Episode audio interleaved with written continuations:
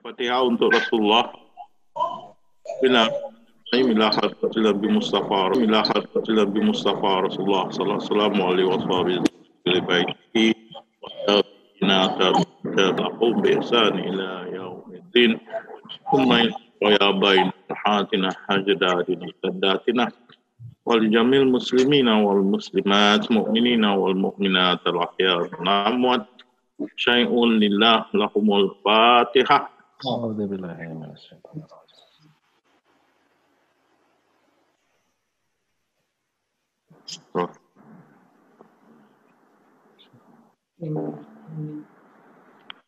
بسم الله الرحمن الرحيم. الحمد لله رب العالمين والصلاة والسلام أشرف الأنبياء والمرسلين سيدنا محمد وآله وصحبه أجمعين. السلام عليكم ورحمة الله وبركاته. Waalaikumsalam warahmatullahi wabarakatuh. Jadi ya kita apa ya acaranya sekarang atas kira ke baga- bagaimana Agus? Tan- Tanya jawab Ustaz. Hah? Tanya jawab. Tanya jawab. Ah okey. Tapi Oke. oh daripada Malaysia ya? Ya, dari ya. Malaysia dulu ya. Dan uh, untuk maklumat semua, tiada soalan ditulis dari Malaysia pada malam ini. Dan saya uh, serahkan kepada uh, jemaah Indonesia supaya saya akan uh, buka soalan kepada jemaah itu. Oke, oke, oke. Oke Ustaz, dari Malaysia seperti tidak ada soalan, tidak ada pertanyaan. Kita langsung aja ke sahabat yang masih Indonesia. Mungkin ada pertanyaan yang bisa langsung malam ini kepada Ustadz. Silahkan angkat tangan. Insya Allah mic-nya biar dibuka sama Bang Yasin. Silahkan sahabat Indonesia.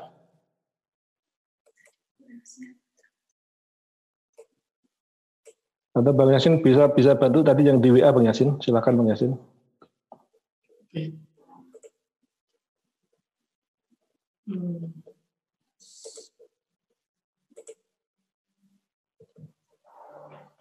Baik Ustaz, ini ada pertanyaan dari Kak Bagirista Bali Ustaz. Ya. Eh, beliau menanyakan, ketika ayah saya wafat, di saat sakaratul mautnya, saya mengalami keadaan di sekitar saya seperti kedap suara, sekitar 15 detik. Saya merasakan kondisi kuping saya tuli, semua seperti berhenti. Tidak ada suara sedikit pun selama 15 detik itu. Seperti masuk ke dalam ruangan yang kosong. Itu apa ya Ustadz? Hmm.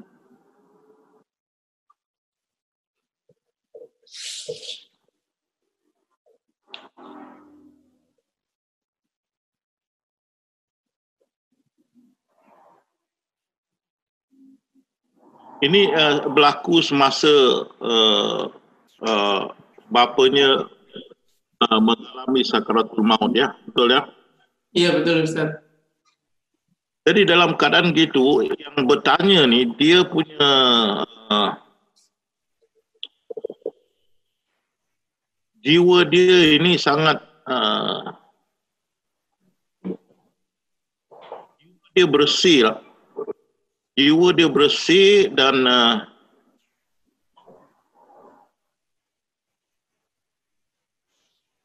dan dalam bahasa orang putih sensitif lah. Sensitif. dapat masuk ke alam itu.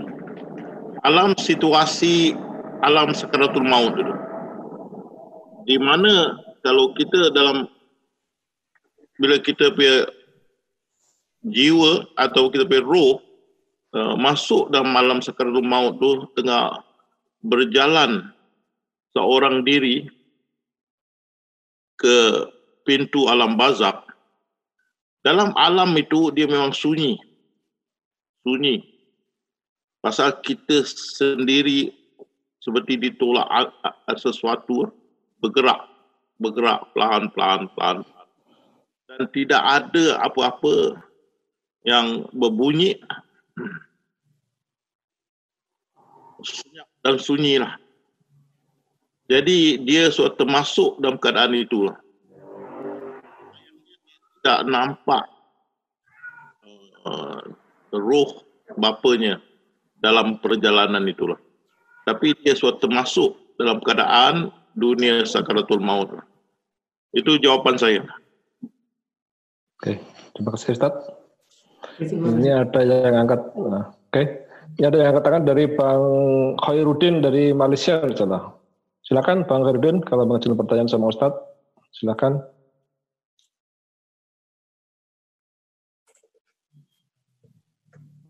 Bang Khairuddin. Oke, kayaknya belum nyambung. tidak ada. Silakan di. Oh, ada mic-nya ya. Oke, Bang Yasin, silakan disambung lagi pertanyaan yang kedua, Bang Yasin. Baik, ini pertanyaan kedua Ustaz dari Kak Iya. Bekirita juga. Suatu waktu, dulu saya pernah bermimpi sangat buruk. Lalu ketika saya berusaha membangunkan diri saya, saya sangat sulit terasa seperti tertindih. Ketika akhirnya saya terbangun, dapat membuka mata saya. Kondisi badan tidak bisa digerakkan, terasa seperti ada kekuatan lain yang menarik kembali ke alam mimpi. Akhirnya saya menjatuhkan diri saya ke lantai dan merayap keluar kamar mencari pertolongan. Dengan kondisi tubuh dari dada ke kaki tidak bisa bergerak, hanya menggunakan tangan untuk menyeret tubuh saya. Pertanyaannya, apakah saat itu roh dan minda tidak kembali ke tubuh dengan sempurna, atau bagaimana Kak Ustadz yang menyebabkan tubuh seperti lumpuh?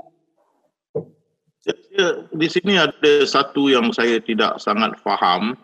Yang yang keluar tarik diri keluar dalam bilik itu ada ke uh, jasadnya ke ataupun apa yang Jasad, Atau- Ustaz, jasadnya, jasadnya. Jasadnya Ustadz. Jadi dia jatuh ke Nah. ke lantai. Iya, Iya jatuhkan diri ke lantai.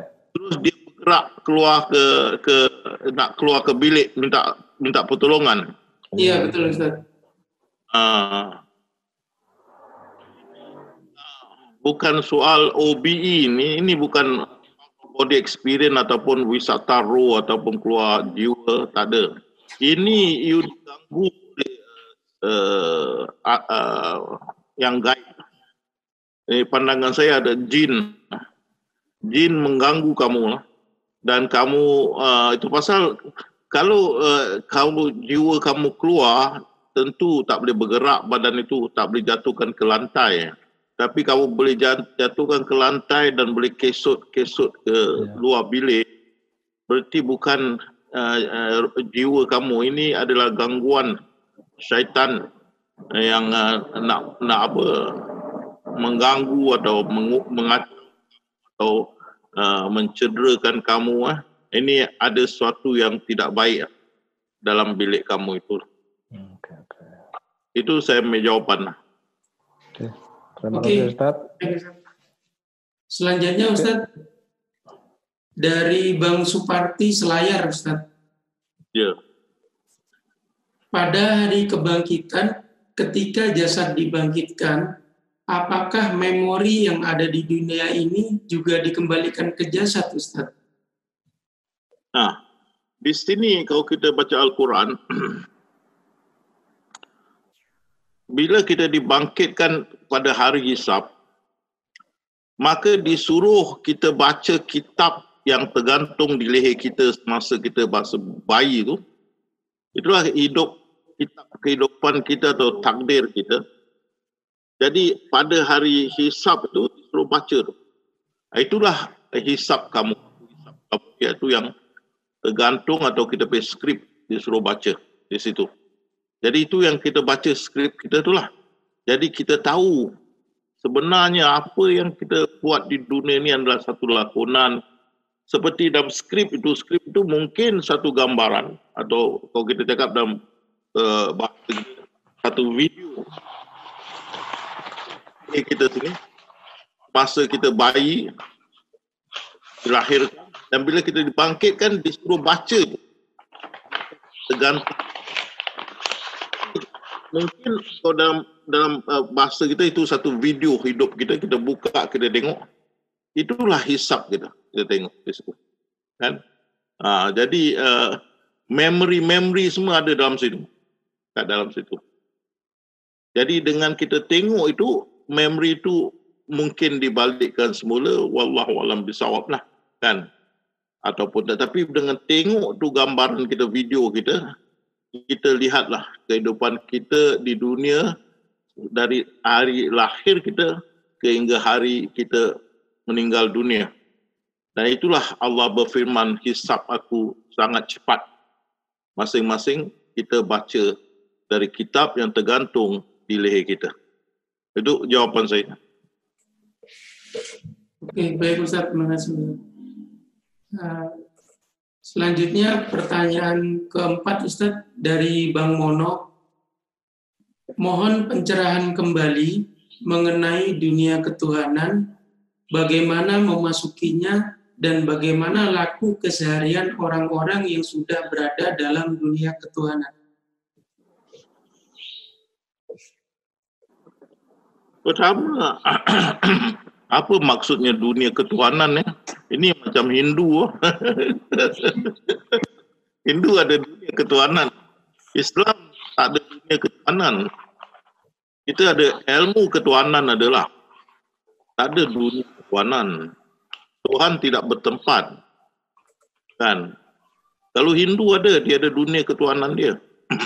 Kita Islam tak ada dunia ketuhanan, kita ada ilmu ketuhanan. Dan ahli sufi, dia memang ahli dalam dunia ketuhanan. Dan saya selalu berkata duduk di atas mana duduk di pintu belakang atau di base camp. Bukan duduk dalam dunia ketuhanan tidak. Tidak ada kalau kita taruh uh, du, duduk dalam hidup uh, dunia uh, apa tu alam maya. Alam maya uh, itu bila kita ditarik masuk ke dunia alam maya. Mana kita macam satu tempat yang sangat indah sangat uh, apa tu suci bersih aman damai. Di situ kita bila diangkat masuk ke alam itu ha, kita duduk hanya mengingati Allah. Tapi nak cakap itu dunia ketuhanan maksud kalau kita cakap dunia ketuhanan maksud kita duduk zikrullah. Zikrullah. Tapi bukan dunia itu dunia Allah. Saya itu bertempat. Ha, kita kalau dimaksud bila kita masuk dalam alam maya tu di mana kita aman, tentram, sunyi, uh, aman, damai, suci dan sebagainya. Uh, kita sentiasa dalam zikrullah. Kalau maksud itu dunia ketuhanan boleh kita terimalah. Mana kita sentiasa dalam zikrullah. Alam maya yang sangat Islam sangat mendamai lah di situ. Ha, tapi mau jaga itu maksud dia bukan dunia ketuhanan tu tempat Tuhan-Tuhan bukan. Ha, dunia ketuhanan kau kita terpakai tu maksudnya adalah kita masuk selepas tu naik base camp tu kita naik naik sampai satu peringkat kita ditarik kadang-kadang dipanggil zoop eh zoop ditarik masuk ke alam ini yang yang tentram, aman, damai, sakinah. Sakinah. Eh? Ha, bila kita duduk di situ, syuh, eh, zikrullah. Ingat Allah, zikrullah. Itu dimaksudkan dunia ketuhanan, okeylah saya terima mana kita duduk dalam alam itu hanya mengingati Allah saja. Ha, itu saya punya penerangan. Eh? Siapa nak buat duduk saja duduk situ zikrullah sajalah sampai pada masa-masanya diberi tugasan. Saya duduk di situ uh, 7, 12 tahun. Saya duduk alam tu 12 tahun. 12 tahun. Sampai 1990, saya diberi tugasan, saya turun. Kalau tidak, ramai orang tidak kenal saya. Saya memang duduk. Oh, Pasal kalau kita tak West Carnine berkata, aku tidak aku kira tidak ada orang yang sudah kenal atau sudah masuk dalam alam itu ada masa untuk pada yang lain. Aku kira orang kalau sampai tempat tidak akan ada masa pada yang lain. Begitu juga kalau kita West Carnine. Dia sendiri disuruh ajar Musa dia tak nak. Dia kata kau tak boleh faham ya. Aku ajar kau tidak akan boleh faham. Dia lebih suka bersendirian. Melainkan diberikan tugasan. Saya 12 tahun di situ zikrullah saja kita dapat zikrullah sentiasa, sentiasa. Jadi di sini ya, saya nak uh, sedikit uh, memberi penerangan. Kita yang saya meng, uh, membimbing kalian, saya membimbing kalian bagaimana mengingati Allah. Di mana kita ingat Allah dan kita fokus atau kita uh, fokus atau kita apa tu? Dalam bahasa Melayu apa? Tumbuhkan. Dalam bahasa Melayu apa dia? Fokus? Tumpu. Tumpu, tumpu. ingat Allah dan kita tumpuan. Itu tumpuan tu important. Seperti kita tumpu tengok bola di di di di kaca TV kita tumpu itu baru datang ke kusyukan. Dan kita ingat Allah kita kusyuk. Tapi ini saya nak cerita kerana apa? Kenapa ini tidak diajar? Zaman Rasulullah pun tidak diajar. Sahabat-sahabat Rasulullah tidak ajar cara ingat ini. Kerana mereka dapat impaknya kuat. Saya pun dapat impaknya kuat. 12 tahun. saya tak ada problem dengan Allah. Kan? Sentiasa je. Dan bila suruh turun mengajar, saya mengajar masih saya boleh ingat tak ada masalah. Tapi pasal kalian dapat impaknya tidak kuat. Jadi kena dibimbing caranya. Jadi zaman Rasulullah sallallahu alaihi wasallam Rasulullah sendiri berkata sebaik-baik umat adalah umat zamanku. Kerana impak tu, makrifatullah tu, membuat mereka boleh mengingat Allah langsung. Tak ada perlu nak fokus ke apa, langsung terbuka hati mereka terjaga. Kan? Jadi kerana itu sahabat-sahabat tidak mengajar bagaimana nak cara ingat Allah bagi mereka sudah jadi automatik. Saya pun dulu uh, bila mengajar kalian suruh naik, naik, bagi saya tak ada problem. Jadi bila kalian cerita ada yang pening, ada nak muntah, ada demam, saya tak faham mana-mana ni. Pening kepala. Macam ni boleh demam, pening kan. Pasal saya dapat automatik lah. Automatik sudah begitu kan. Sebab itu saya dah lama kelamaan bila feedback maklum balas masuk, maklum balas baru saya faham, oh orang yang tidak automatik dia kena step by step lah, satu satu satu langkah ke satu langkah lah. Ha. Jadi saya kena perhati balik dan susunkan untuk kalian. Jadi kita membantu uh, jemaah kita mengingati Allah dengan fokus, ingat Allah dan fokus fokus bila kita fokus insya-Allah akan datang khusyuk jadi bila kita sudah ditarik daripada base camp kita ingat dia ditarik ke alam sakinah dan kita duduk di sana sentiasa zikrullah sampai diberi tugasan baru kita turun dan menjalankan tugas kita lah. Jadi, jadi apa dibuat di sana sentiasa ingat Allah itu diminda. Tapi tentu dari segi syariah kita kena jalankan. Yang fardu dan juga ditambah dengan sunat siang berpuasa, malam berjaga, tahajud dan sebagainya. Baca Al-Quran, sedekah, hati sentiasa bersifat kasih sayang, hidup sederhana, zuhud sederhana, pegang pada syariah terutama dari segi ibadah dan sentiasa takut pada Allah SWT. Ini kita punya bimbingan. Kan? Ha.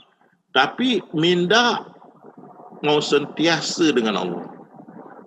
Sentiasa dengan Allah. Tapi sebab bila kita so, masuk alam sakinah, hati suatu terjaga. Kita tak ada problem. Kita 24 hours, 24-7. Boleh ingat Allah. Dan tidak ada masa untuk yang lain. Minda kita hanya Allah. Pasal suci dan bersih. Duduk situ sampai diberi tugasan lah.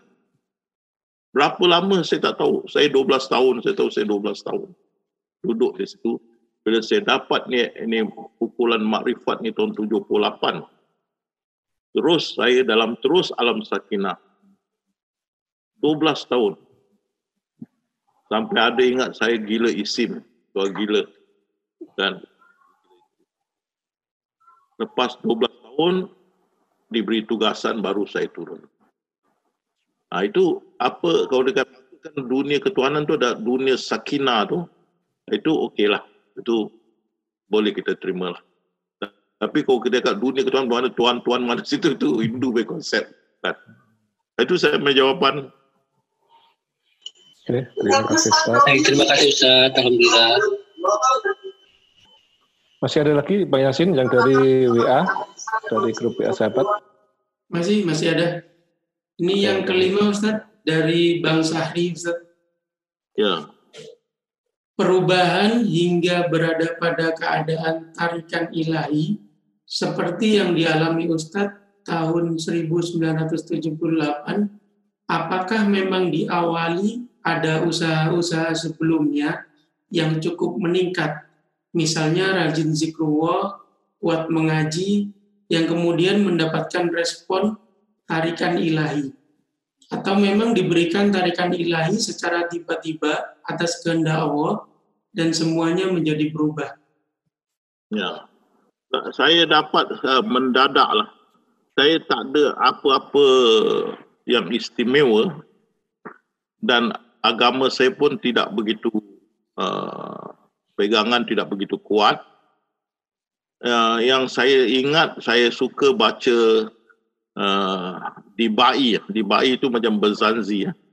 ya. Pasal setiap malam Jumaat kita ada buatlah uh, di di rumah uh, datuk saya lepas tu bapa saya tiap-tiap malam Jumaat membaca di Bai atau berzanzi ya.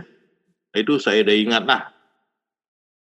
Tapi uh, istimewa tak ada satu istimewa lah saya tak ada apa-apa. Bila dapat tu mendadak tu datang perubahan yang sehingga sahabat-sahabat saya pun terperanjat. Dia uh, uh, mereka berkata kamu sudah berubah 360 degree. Adik saya mengatakan ini abang sudah jadi lemah sudah jadi lemah. Dah tak kuat lagi macam dulu sudah jadi lemah. Pandang dan ada yang mana saya sudah gila isim. Gila agama lah ha? Berarti impaknya buat saya berubah tapi tak ada satu special. Tidak ada satu orang putih kat no indication lah. tidak ada satu yang akan menunjukkan saya akan dapat bagian inilah. Bagian ini. Cuma ada satu ramalan dari satu orang, dia cakap engkau akan jadi satu orang besar di hari muka lah. Itu dia cakap lah, kan. Saya tak tahu betul tak betul lah. Jadi itu saja, itu tu jam masih belum dapat ni ilmu. Boleh jadi uh, 4-5 tahun sebelum itu, kan. Cuma tak ada satu istimewa lah. Saya macam kalian sama juga, bila dapat ini ilmu satu pukulan satu hedikan yang datang uh, secara laduni terbuka kefahaman itu air mata jatuh macam hujan. Macam diri ini dibakar oleh asid.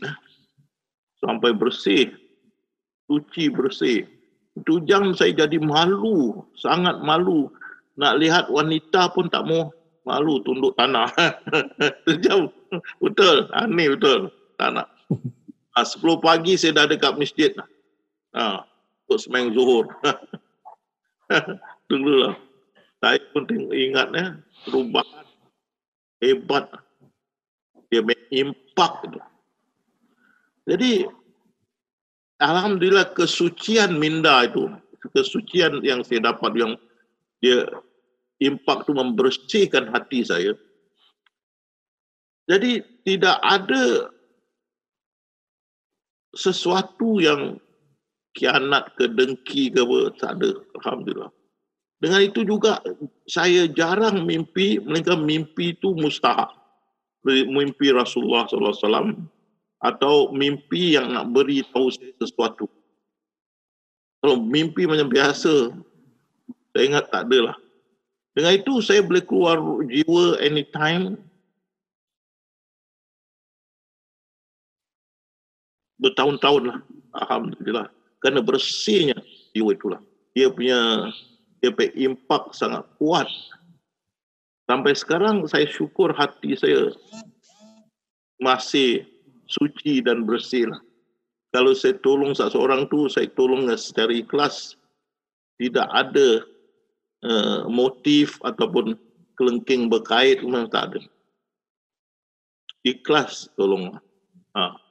Jadi syukur kepada Allah SWT masih ada tu dengan saya. Dan jalan lurus, jujur dan uh, tawadu, rendah diri insyaAllah. Jadi untuk uh, jawapan pada sahabat Syari tak ada satu pun sesuatu yang istimewa sebelum saya dapat ni dan itu pun tidak sangka tidak sangka malahan saya itu jam ada benci pada diri saya kerana sombong cakap besar panas baran kaki gaduh dulu lah kan saya sendiri tengok cermin muka saya, saya fed up. Kan? Dulu lah, dulu. Apa punya orang ni? Takkan semua orang salah aku betul. Ah, peduli dengan mereka dah. ah, sampai begitu. Eh, eh, lain lah. Tapi Allah dah pilih. Alhamdulillah lah. Syukur kepada Allah. Tahun 78 tu, umur saya uh, 28, 28 umur. Saya dapat ini. Yang bawa satu tamparan yang hebat membawa pertukaran 360 degree sahabat kata. Jadi tak ada sesuatu istimewa sebelum itu. Itu jawapan saya. Jadi dengan ini kalian pun bisa, siapa pun bisa dipilih.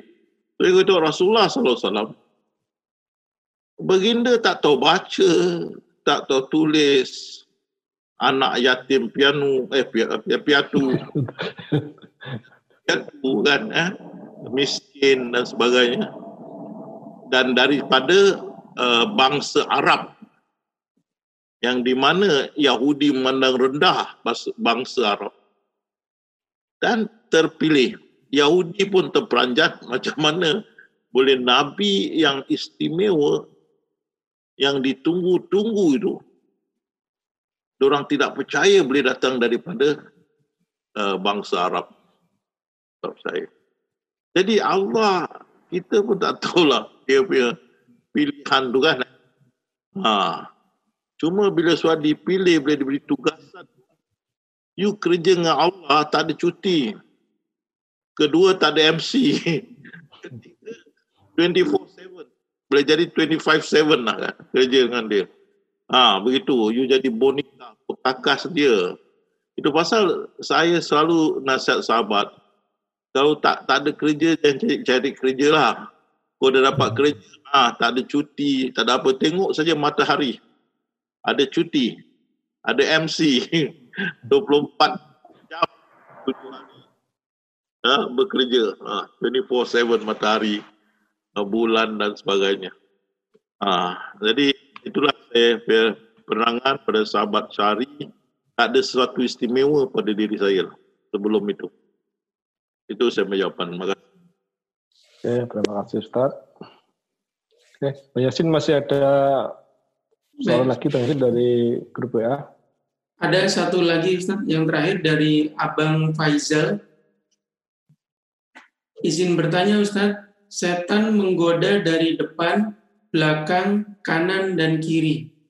Apakah berdasarkan ini, maka tumpuan zikir ke atas hingga sejengkal, sehasta, dan sedepa. Karena setan tidak bisa menggoda, yang menjadi pertanyaan bagaimana dengan dari bawah. Karena pernah mengalami saat duduk zikrullah, tertidur saat posisi duduk, tiba-tiba terjaga dan terasa ada rasa menyemut dari kaki terus naik perlahan-lahan ke atas hingga leher, lalu saya terbangun. Apakah itu Ustaz?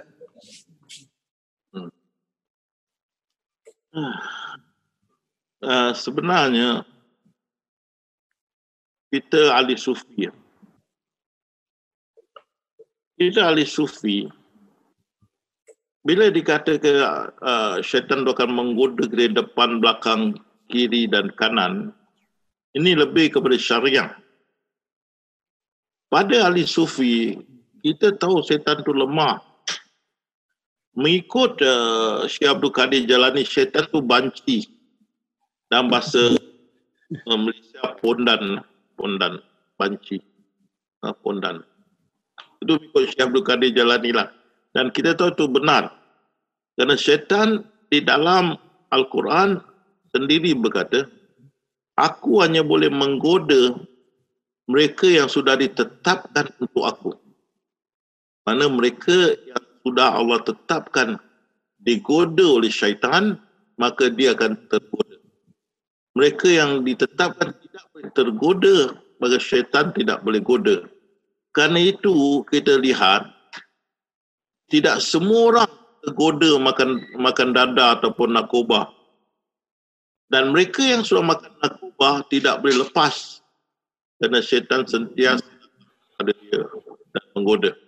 Kan? Tapi mereka yang sudah ditetapkan tidak akan dapat digoda. Maka syaitan tidak akan dapat goda mereka.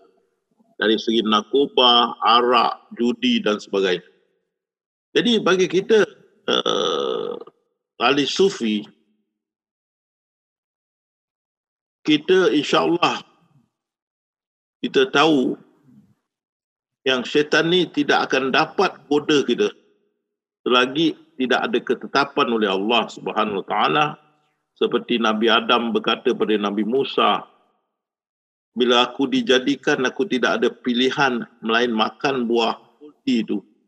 Kerana ini dah dituliskan sebelum aku di 40 tahun sebelum aku dijadikan.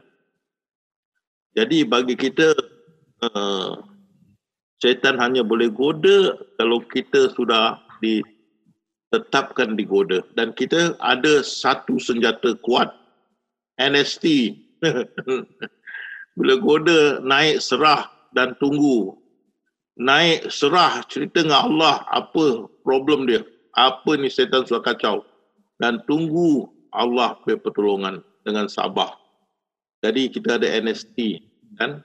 Uh, jadi jangan kita uh, susah hatilah insya-Allah. Kalau ada kita masalah kita walaupun kita uh, terbabit dalam dada nak keluar susah, sentiasa naik serah dan tunggu. Hari-hari mohon dengan Allah supaya dilepaskan daripada narkoba. Ini kerana inilah syaitan menjerat kita dengan menggunakan narkoba. Tapi kita tahu dia hanya boleh menggoda kita selagi ada ketetapan Allah. Tapi kalau Allah berketapan di dalam kita punya kitab, kita terlepas, kita akan terlepas. Jadi naik NST, naik serah masalah kita dan mohon uh, pertolongan Allah dan tunggu. Jadi mau naik, saya ingat uh, sahabat kita uh, Ahmad, ya. Ahmad ada cerita dia ada masalah Bagaimana Ustaz melepaskan saya masalah saya tentang ini? Ini ketetapan. Kamu akan diganggu. Jadi untuk melepaskan, itu saya dah dua kali nasihat dia. Naik, serah dan tunggu. Ya Allah, inilah aku punya masalah, Ya Allah. Lepaskanlah aku lah daripada masalah, masalah ini. Dan tunggu. Tunggu.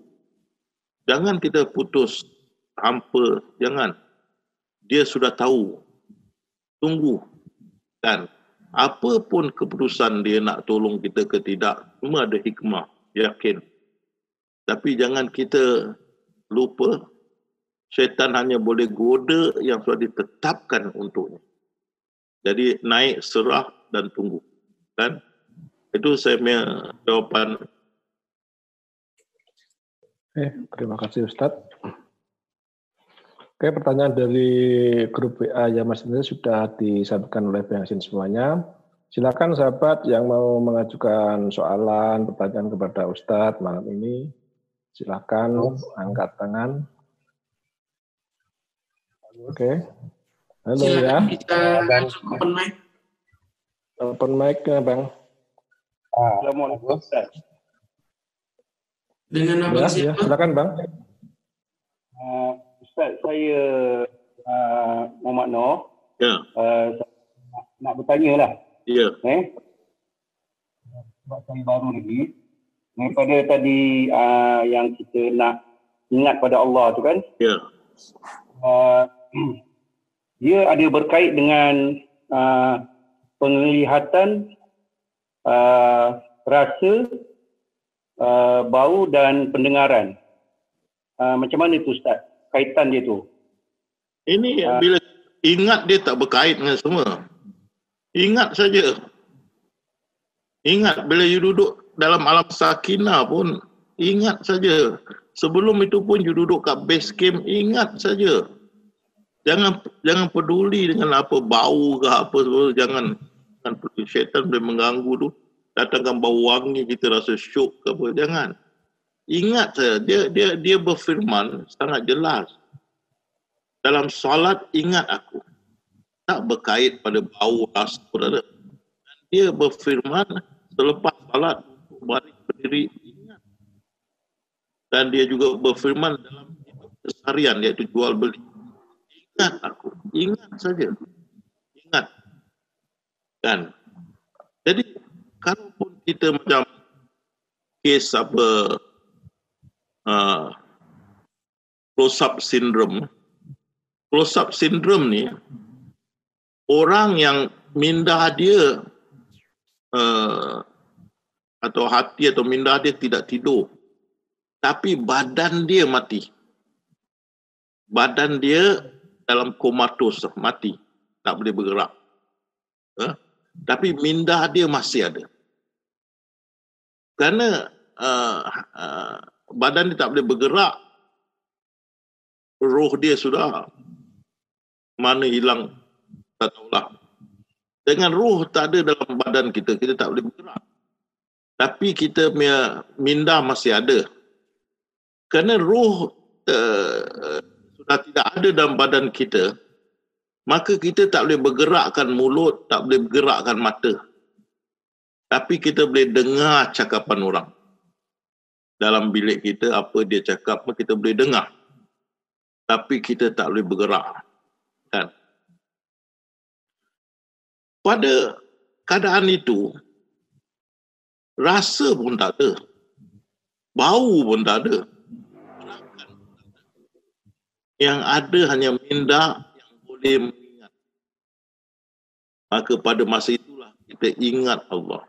Ingat ingat dia ada bau tak ada apa dah saya pakai ini contoh untuk mempertekankan dalam ingat Allah tu tak ada berkait dengan ini semua.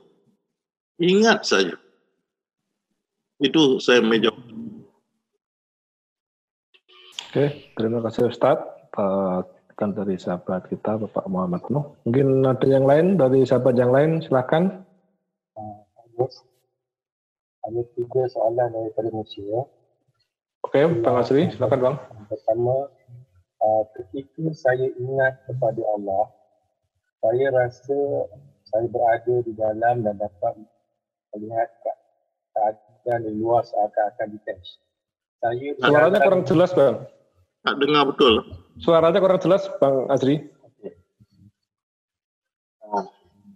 Uh, ketika saya Okey. ingat kepada Allah, Hmm. saya rasa saya berada di dalam dan dapat melihat keadaan di luar seakan-akan detach.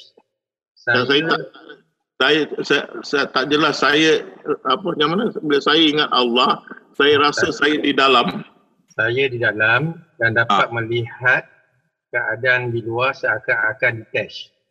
Ah, dia akan Teks. dapat Ah, detach, detach. melihat dalam dari di luar dan Ah, seakan-akan detach. Ah, Itu detach, detach. Terpisah, terpisah. Dalam dengan luar detach. uh, okey bila saya lagi sekali baca bila saya Uh, ketika saya ingat uh, kepada Allah, uh, Hmm. keadaan saya ingat kepada Allah, uh, kepada Allah, saya rasa saya di dalam dan dapat melihat keadaan di luar seakan-akan detach. nanti dapat keadaan di luar dan apa dan detach Ha, dan rasa rasa seperti detach Ustaz. okey Okey. Dan uh, saya uh, dan saya tidak uh, yang saya di dalam tidak terkesan dengan keadaan di luar. ya itu betul Tiba-tiba, ha, tiba-tiba saya rasa macam selfish dengan keadaan di luar. apa selfish Ha, selfish. Selfish. Ah, selfish. Ah, ma- bila dia tengok kat luar tu macam dia dia tak campur tangan kat luar tu dia rasa macam selfish Ustaz. Kita tak ada ambil tanggungjawab apa-apa kat luar tu. hmm. Ha, itu saja. mana macam sombong lah Ah, ya Ustaz. okey okey terpulanglah kalau kamu nak turun pintu, pintu bawah pintu depan turunlah kan saya tidak tahan tapi kat luar situ banyak masalah lah. Tapi kalau you duduk di dalam, detach dan hanya tengok di luar dan fahamkan di luar itulah mahfuz berjalan. Apa yang you lihat di luar tu adalah gambaran Lauh mahfuz. Jadi bukan you selfish, sombong, tidak masuk campur. Tetapi you sudah faham apa yang ber, berjalan di depan pintu depan itu adalah perjalanan Lauh Mahfuz, gambaran daripada Lauh Mahfuz. Jadi kata Pak Pandey cakap ada mata tengok, ada telinga dengar, ada mulut diam. Tepuk tangan buat tak tahu. Seperti uh, yang kata si Luncai kata saya terjun dalam biarkan. Jadi jangan kalau kamu nak turun, bila kamu nak masuk balik, bila kamu dah bergelubang, bergelumang dengan uh, dosa dan sebagainya bila kamu tak mau naik masuk duduk kat pintu depan kan? Dan ada problem bila kamu nak naik balik ke atas. Tu pasal saya dah kata kalau duduk di pintu belakang base camp jangan turun dan lihat di pintu depan dan fahamkan apa yang berlaku di pintu depan itulah perjalanan low mahfuz yang kita tidak boleh uh, tahan tapi kalau you turun, you boleh termasuk dalam pergolakan yang ada di loh mahfuz dan terikut dengan mereka sekalian. Nah, jadi bukan sombong, kita ahli sufi, kita sudah faham. Seperti satu contoh, you duduk dalam rumah. Di luar rumah you ada kerusi, meja, kedai kopi semua, banyak gangster.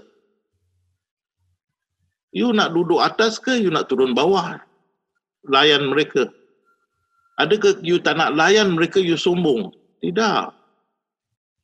Pasal itu semua gangster dan orang-orang yang tidak ada peri kemanusiaan dan sebagainya tidak kenal Allah tu.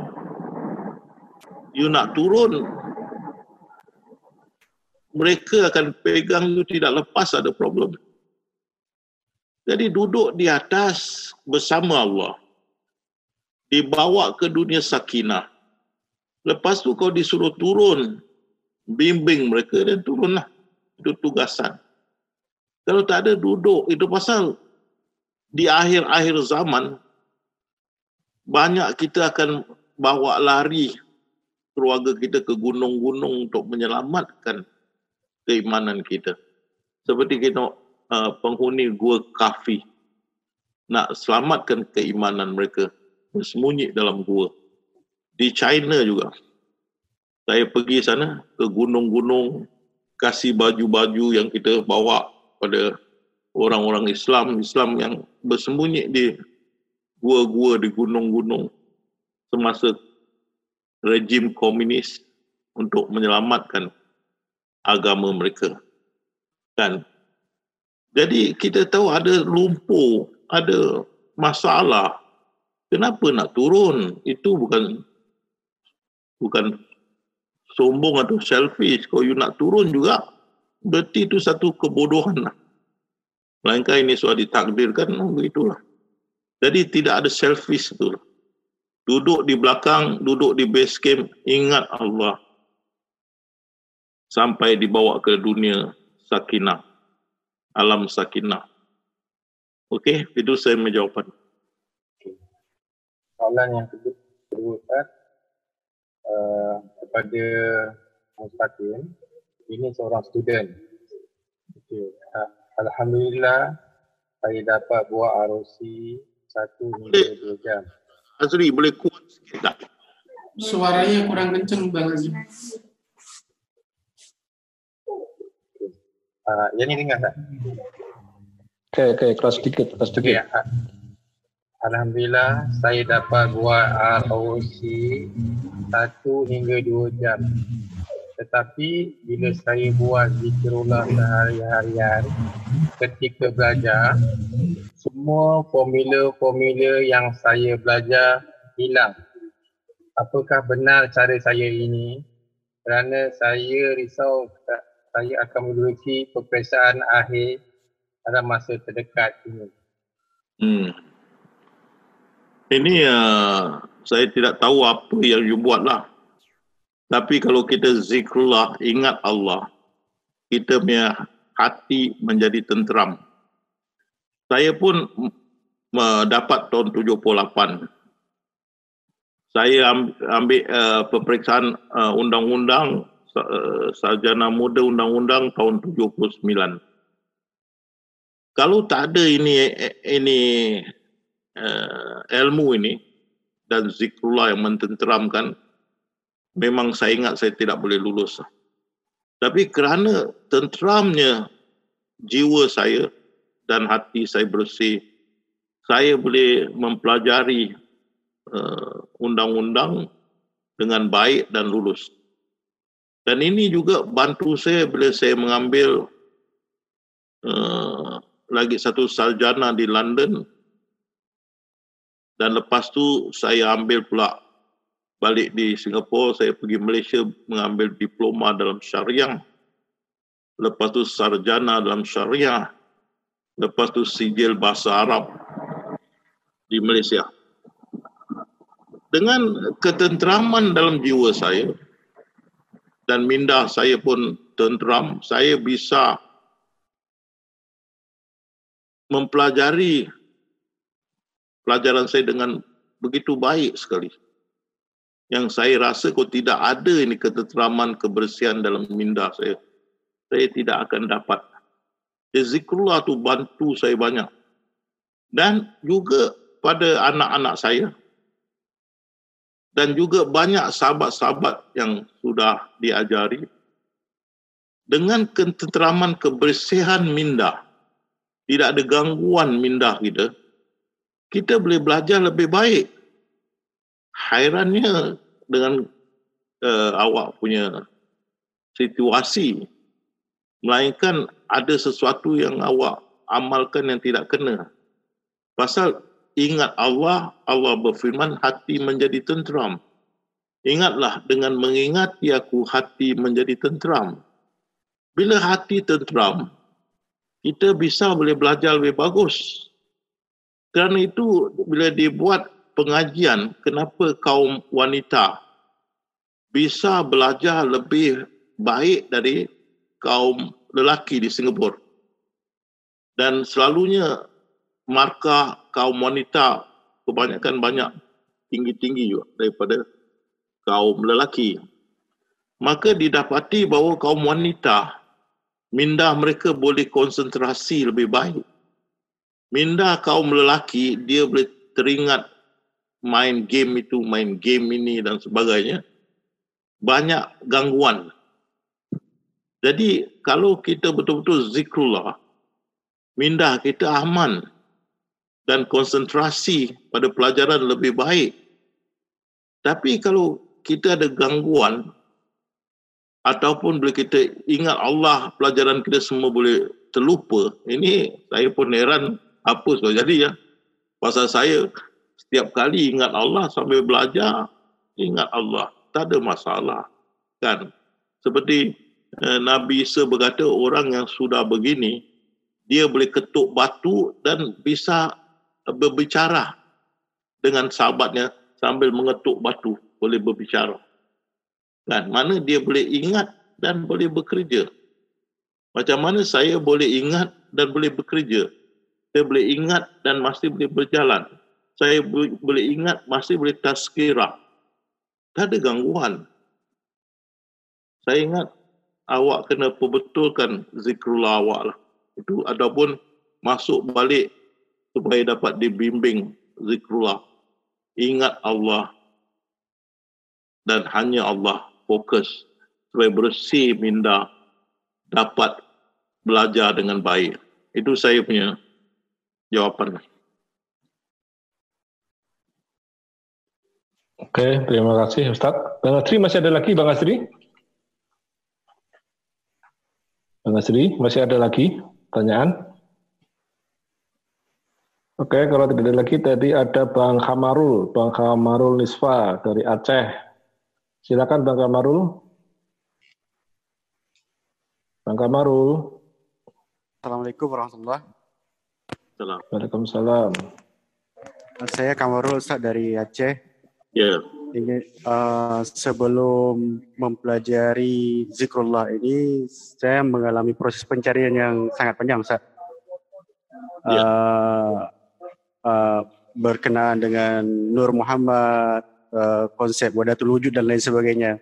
Ya. Ada pengalaman yang paling berkesan dalam hidup saya, Ustaz, ketika saya bisa uh, wisata ruh jadi saya saya cerita sama kawan tentang pengalaman-pengalaman saya ini.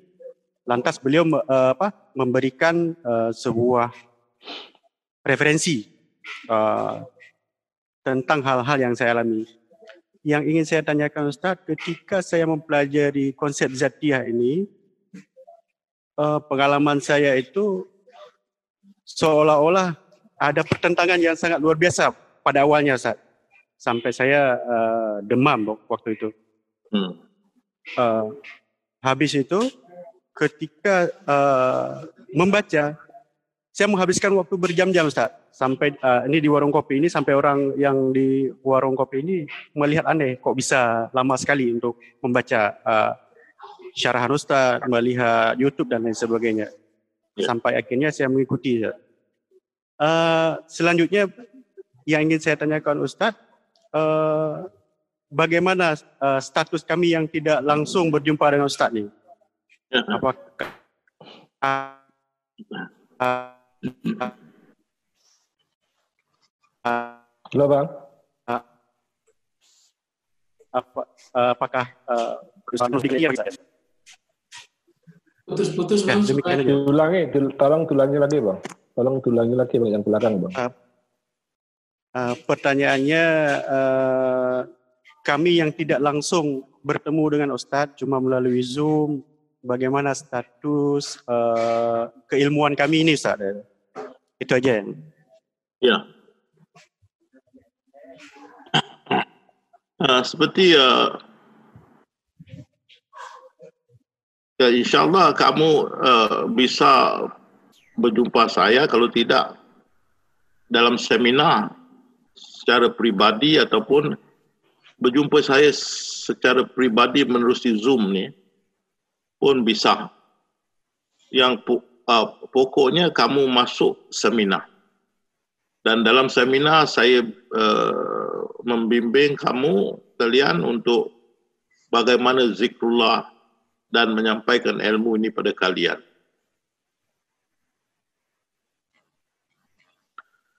Nabi Isa AS berkata, pasal Alhamdulillah kalian eh, kamu bisa uh, cara dengan saya. Kamu bisa melihat saya dalam Zoom ini. Dan Alhamdulillah kalau kamu masuk seminar, kamu sudah dibimbing oleh saya. Itu Alhamdulillah. Tapi akan datang mereka yang tidak pernah berjumpa saya. Tapi mengikuti tazkirah saya dalam YouTube dan internet. Dan sangat bahagia dengan ilmu ini yang banyak menolong mereka kerana mesti difahamkan tazkirah saya bukan syarhan. Ini banyak orang silap. Tazkirah saya adalah pelajaran. Saya mengajar. Saya bukan bersyarah. Saya mengajar kalian. Pasal itu kalian dapat faham satu persatu, satu persatu tentang ilmu tasawuf dan ilmu ataupun ilmu ketuanan. Tidak saya sembunyikan satu ilmu pun. Saya mengajar, terangkan dengan jelas. Karena itu banyak yang asyik mengikut pelajaran ini kerana mendapat banyak ilmu, dapat pengertian yang banyak tentang ketuhanan. Yang dahulu mencari dan tidak faham sehingga faham dan mendalami. Dahulu tak tahu apa pun, sekarang tahu banyak kerana saya mengajar, bukan bersyarah.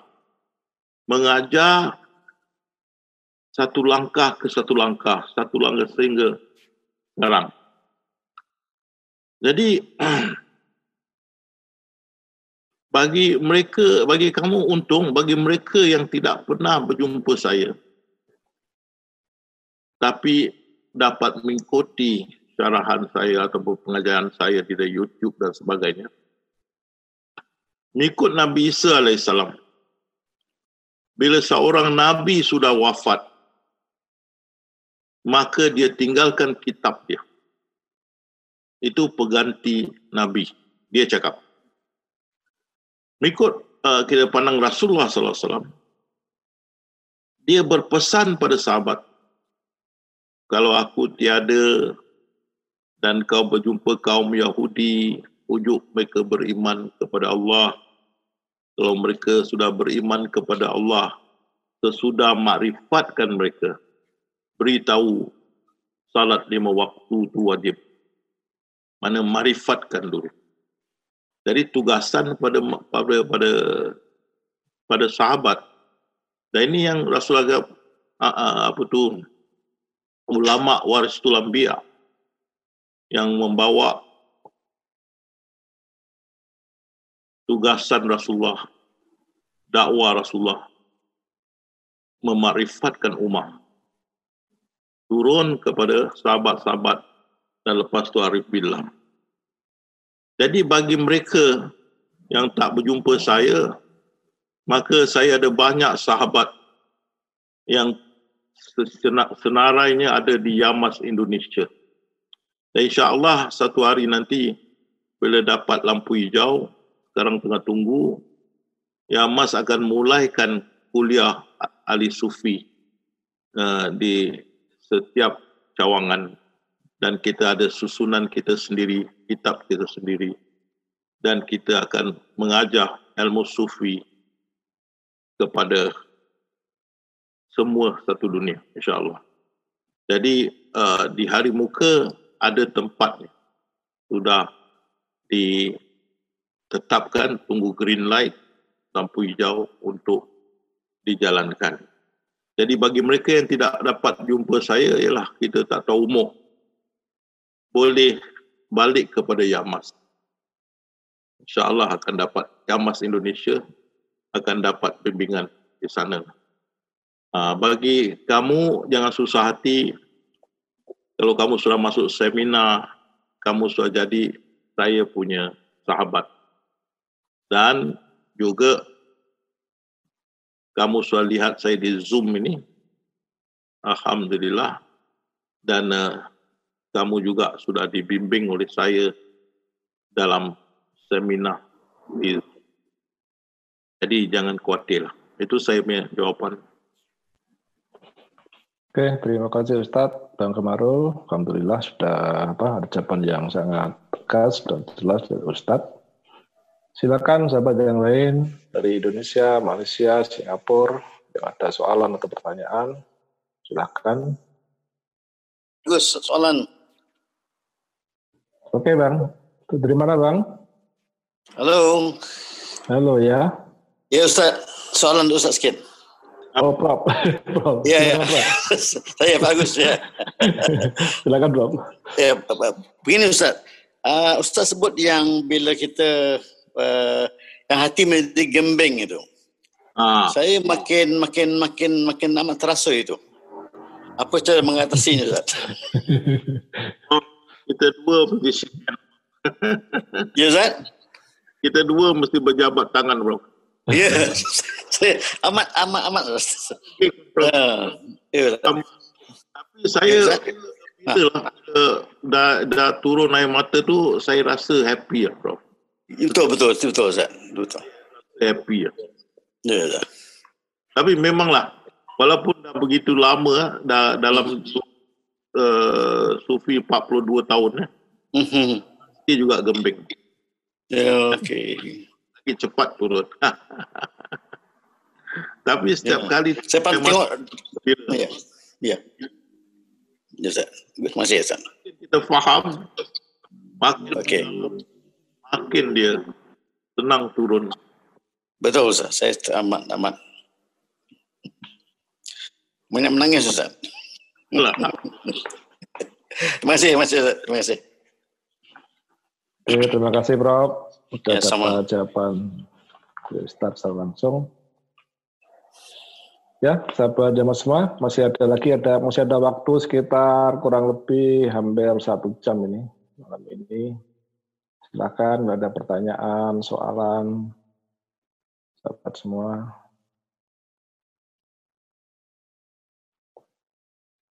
Bang Amrijal, biasanya ada pertanyaan, Bang.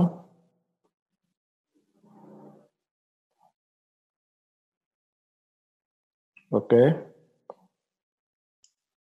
Ustaz mau nanya Ustaz. Oke, okay, Pak Ya. ya. Assalamualaikum. Assalamualaikum. Uh, saya mau nanya sedikit tentang ini, Pak Ustaz. Uh, naik, kemudian ada base camp ya, ya. kemudian ada alam sakinah dan sebagainya. Nah, kalau kita sampai di sana itu berarti ruhnya juga sudah ikut naik ke sana ya, Pak Ustaz ya? Benar, benar. Uh, ya, Dan, tapi untuk uh, tapi untuk ke sana ya, ya. Uh, rasanya ikatan tubuh terhadap ruh itu masih terlalu kuat gitu, Ustaz. Itu bagaimana kira-kira untuk uh, bisa melonggarkannya? Tapi bukan untuk uh, untuk ini, bukan untuk OBE, Ustaz. Tapi untuk uh, agar apa ruh bisa naik ke minda saja, Ustaz. Itu gimana, Ustaz? Uh, kalau kita duduk di di pintu belakang ataupun kita duduk di base camp itu sudah naik dah. Ya. Yeah duduk dan naik. Jadi oh. kalau kita boleh duduk tu tidak bergerak, berarti roh kita sudah di atas lah. Oh. Nah, kalau kita bergerak, dia turun balik. ah, kan? Ha. Jadi kalau kita duduk, tak bergerak, duduk di atas, berarti roh kita sudah naik ke atas. Okay. Jadi itu kadang-kadang orang kata apa tu mind over matter. Mind over matter. Berarti kalau kita duduk di atas, pukullah jasad kita pun tak rasa. Okay. Ha, dia itu dah duduk di atas. Tapi sakinah ni, nak masuk alam sakinah, kita mesti dijemput. Yeah. Ai jiwa-jiwa tetap kembali kepada dijemput, baru kita bisa boleh naik. Kan? Ha. Terus duduk di base camp, ingat dia dan tunggu. Tunggu. Bila dijemput, kita dapat naik alam sakinah. Itu saya punya jawapan. Terima kasih, Mas Ya. Oke, ada lagi Pak Deka? Cukup, Pak. Cukup, oke. Oke, terima satu kasih. Lagi, Mas Ada satu lagi, Mas silakan, Pak Deka, silakan. Kemarin waktu ini eh, bincang-bincang sahabat yang Mas Jakarta aja Indonesia, Ustaz, itu ya. ada satu pertanyaan begini. Uh, kalau kita akhir-akhir ini karena saking seringnya ingat kepada Allah sehingga ingat apa pikiran kita kosong atau seperti apa gitu ya. ya. Lama-lama kita seperti sering lupa dengan sesuatu yang dulu kita kenal. Itu kenapa tuh Pak Ustaz? Tapi bukti, uh, kita lupa kadang-kali uh, uh, nama sahabat kita pun kita lupa. uh, kita nak ingat eh siapa nama dia ya? saya sentiasa uh, selalu mengalami inilah. Dan, uh. Jadi kita nak ingat nama dia, eh siapa ya? Padahal hari-hari jumpa boleh tak ingat dah. Pasal sentiasa naik di kutub. Tetapi saya nak te- te- tekankan, ini tak ada kena-mengena dengan pelajaran. Uh. Mana kita masih boleh ingat pelajaran kita. Ya, ya, ya. Kita lupa pada nama sahabat ke apa kan. Pada hari-hari jumpa tapi nama dia boleh lupa kan. Dari segi pelajaran insya-Allah tidak ada gangguan di situ. Ya Mas Adi. Ya. Ingat, dapat ingat dengan baik. Itu saya nak terangkan. Itu biasa. Okay. Ah, biasa. Jangan jangan nak lupa nama pupunnya sudah.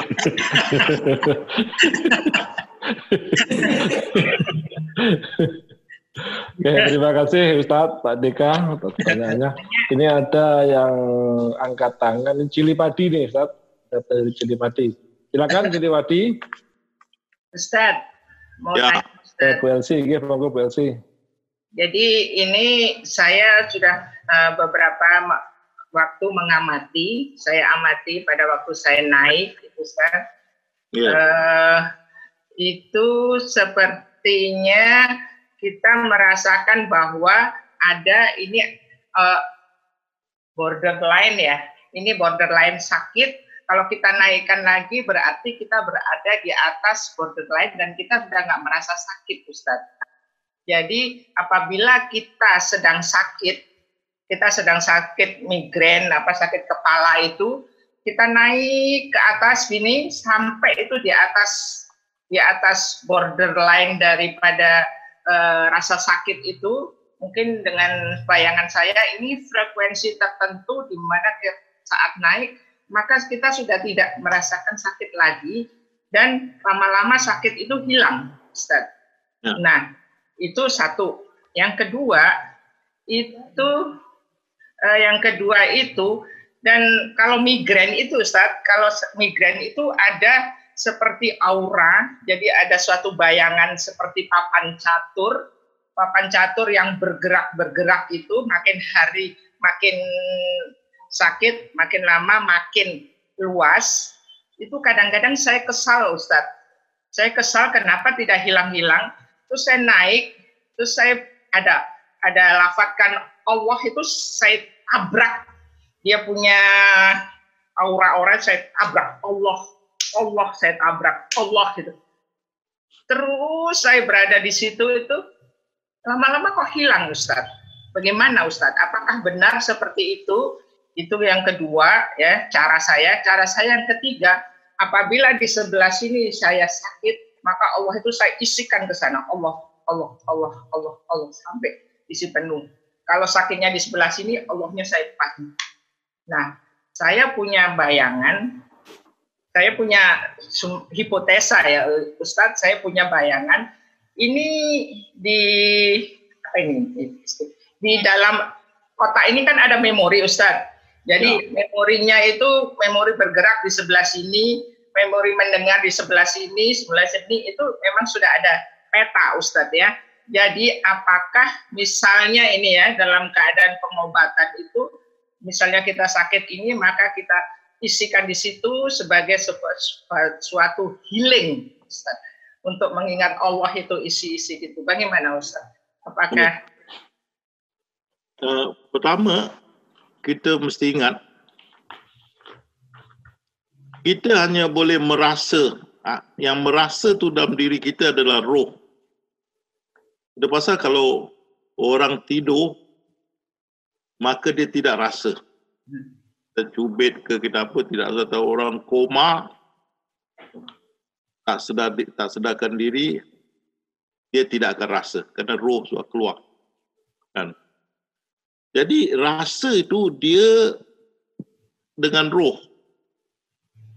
Jadi bila kita punya roh naik atas itu level, saya ada ada ada bersyarat tentang ni. Saya ada tunjuk macam lautan atas. Kalau kita naik itu level, roh kita terlepas itu level, berarti tidak ada dalam jasad kita. Jadi kita tidak bergerak dan boleh tahan sakit dan boleh uh, apa tu tidak merasa gatal dan sebagainya. Dan uh, sahabat-sahabat di Malaysia ada tengok semasa saya di di urut ya.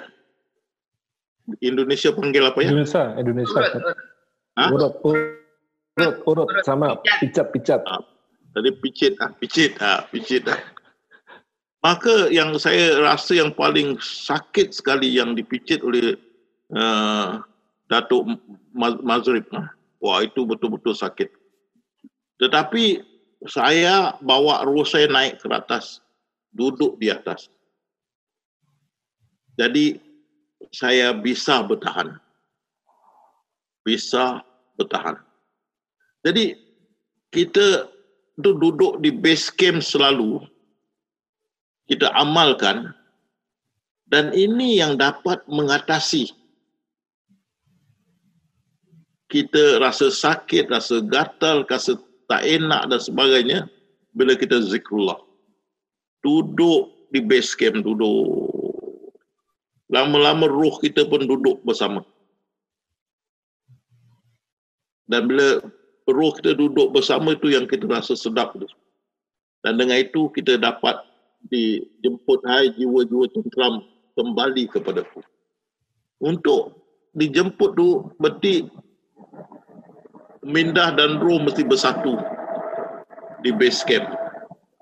Bila mindah dan roh bersatu di base camp menjadi jiwa, maka apa di bawah terjadi pada anggota badan kita, kita sudah tidak rasa lagi. Sakit ke, perit ke, pedih ke, gatal ke, dan sebagainya tidak rasa. Kita sudah tidak bergerak, hanya ingat dia. Jiwa sudah ada di atas, menunggu jemputan Allah SWT. Hai jiwa tentram kembali kepada dan jadi itu mengatasi segala gangguan, segala penyakit kepala dan sebagainya, migraine dan sebagainya. Itu jawapan saya pada satu dan dua. Yang ketiga itu, itu you gunakan zikrullah, lisan ataupun kap ataupun sir dengan minda untuk perubatan. Itu saya dah ajar. Di mana ada kesakitan itu, tujukan zikrullah kita yang zikir lisan ke, zikir kap ke, zikir sir ke. Tapi saya mengajar yang zikir sir itu zikir dengan minda. Turunkan zikir dengan minda itu ke tempat yang sakit. Dan seperti uh, Ibu Elsie kata, tabrak itu. Tabrak dia hancur. InsyaAllah akan dapat mengatasinya. Cuma kita sekarang diberi lampu merah tidak boleh teruskan ini tentang perubatan kerana banyak yang kehendak mereka lari daripada makrifatullah mereka mau perubatan jadi saya metugasan bukan perubatan lebih daripada ketuhanan pasal itu kita kena stop itu. Pasal banyak yang lari. Suka kepada itu. Diberhentikan. Ya. Jadi uh, itu jawapan saya uh, Ibu Elsie. Yang ketiga itu betul. Tapi you gunakan sebagai perbuatan menggunakan uh, uh, zikir sir itu. Lafaz Allah tu. Atau ingatan Allah tu tujukan pada penyakit itu dan tabrak penyakit itu sehingga hilang. Itu jawapan saya. Okay, terima kasih Ustaz. Oke, ada pertanyaan lagi Ustaz dari Bang Sahri Ramadan. Silakan Bang Sahri Ramadan. Assalamualaikum Ustaz. Waalaikumsalam. Selamat hari lahir Ustaz. Terima kasih. Makin muda. Makin muda. Ustaz, ini mau ada sesuatu yang ingin kami tanyakan, tapi kami refleksi dulu kepada pengalamannya Ustaz. Ya. Dari sarahan dan dari tulisan Ustaz, sering sudah melewati berbagai macam ujian. Salah satu di antaranya ketika Ustaz diminta untuk memotong pohon pisang itu ah. tidak tahan, meminta orang lain tolong, bahkan Ustaz sembunyi di kamar. Ya. Sampai itu pulang. Itu satu. Ya Ustaz ya. ya. Jadi saya ingat betul itu cerita, begitu halus perasaannya Ustaz.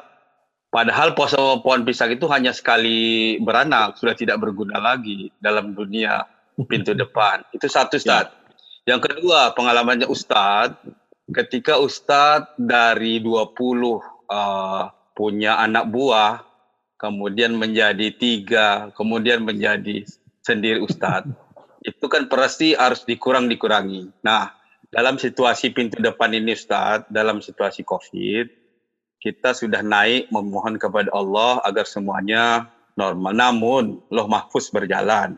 Ada ketetapan Ustaz, di mana posisi mesti kita yang lakukan. Mengeksekusi di mana kami tidak tahan melakukannya dengan melihat latar belakangnya. Kira-kira apa dan pandangan Ustaz sebagaimana yang pernah ulah Ustaz alami untuk memutuskan sesuatu yang sangat berat sekali sebagai manusiawi dan perasaan kita, tetapi harus dilakukan Ustaz.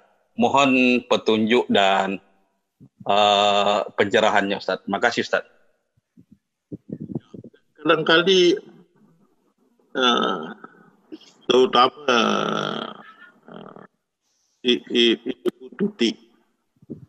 Ibu Tuti uh, bertanya saya kadang-kadang marhamah pun.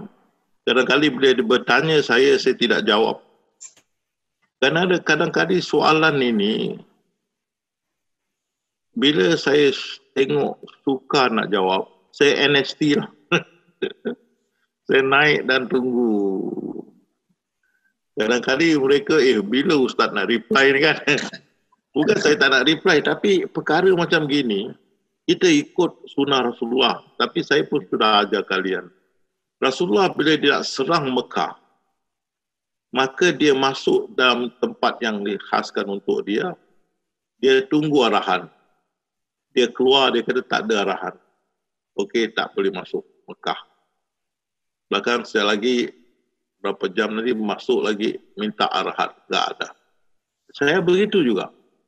Bila kamu uh, macam misal katakan uh, Ibu Tuti dia mau uh, membuat sesuatu uh, untuk saya.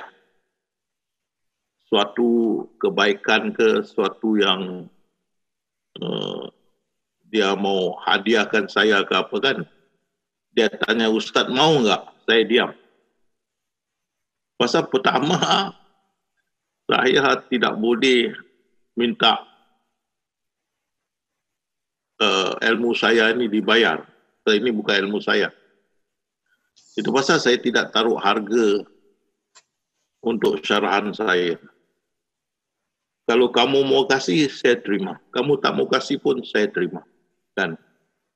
Jadi bila dia mau buat sesuatu begini, saya naik minta arahan. Ya Allah, boleh tak boleh? Saya tidak akan jawab terus. Bila ada, boleh jadi mereka tunggu satu, dua, tiga hari, kadang-kadang seminggu, baru dapat jawapan, baru saya jawab.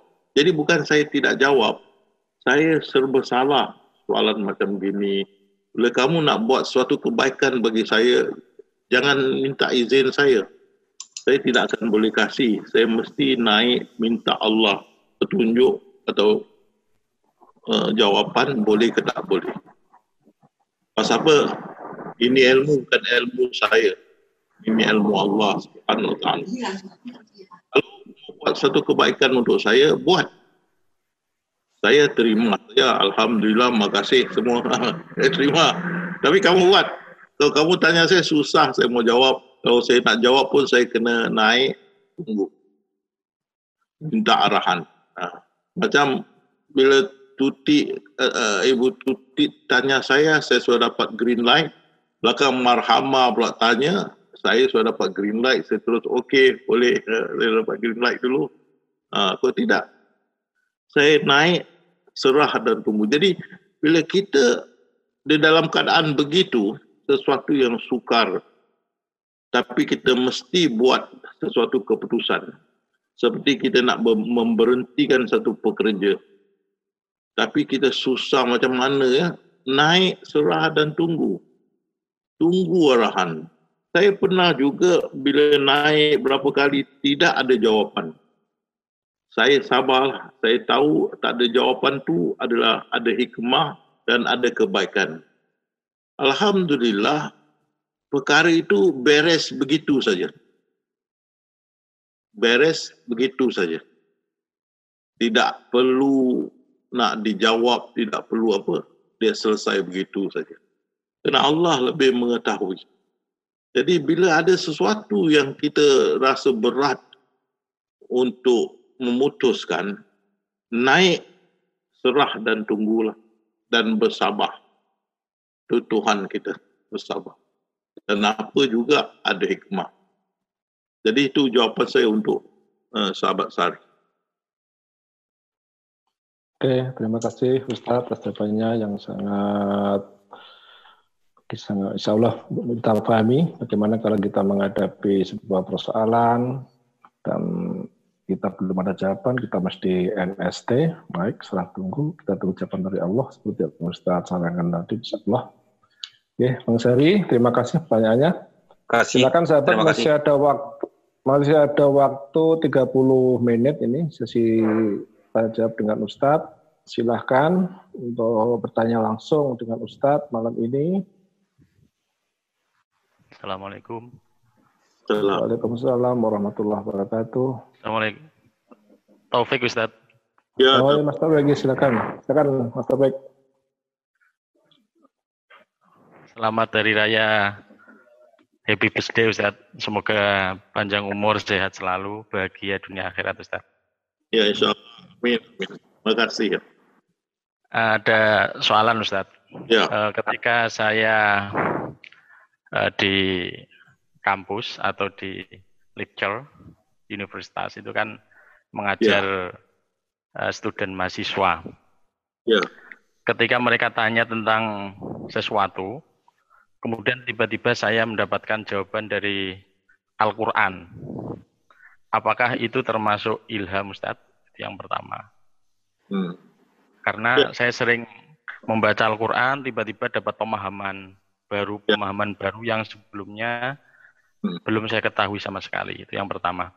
Yang kedua, menurut Ustadz, apakah kaum sufi ini ketika memahami Al-Quran, itu pemahamannya melalui takwil, bukan tafsir atau terjemah?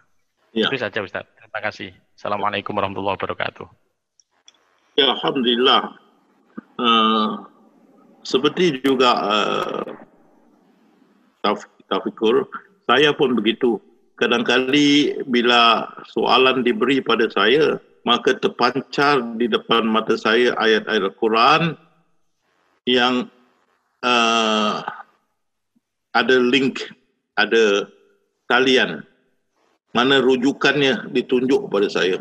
Kitab ke Al-Quran ke hadis, ada dia punya uh, ditunjukkan kepada saya. Ya itu ilham. Begitu juga pada tafakur itu ilham. Alhamdulillah syukur bagi kita yang sudah dapat ini kelebihan ini satu kurniaan Allah. Terima kasih. Dan cuma eh, tafakur bisa tengok saya. Kadang-kali bila ditanya maka tidak ditunjukkan kepada saya ayat itu. Tafakur bisa lihat saya mata saya tutup. saya cari. ha? Dengan mata hati saya cari. mana dia. Dan insyaAllah itu pun Allah akan beri. Jadi ada lagi satu cara.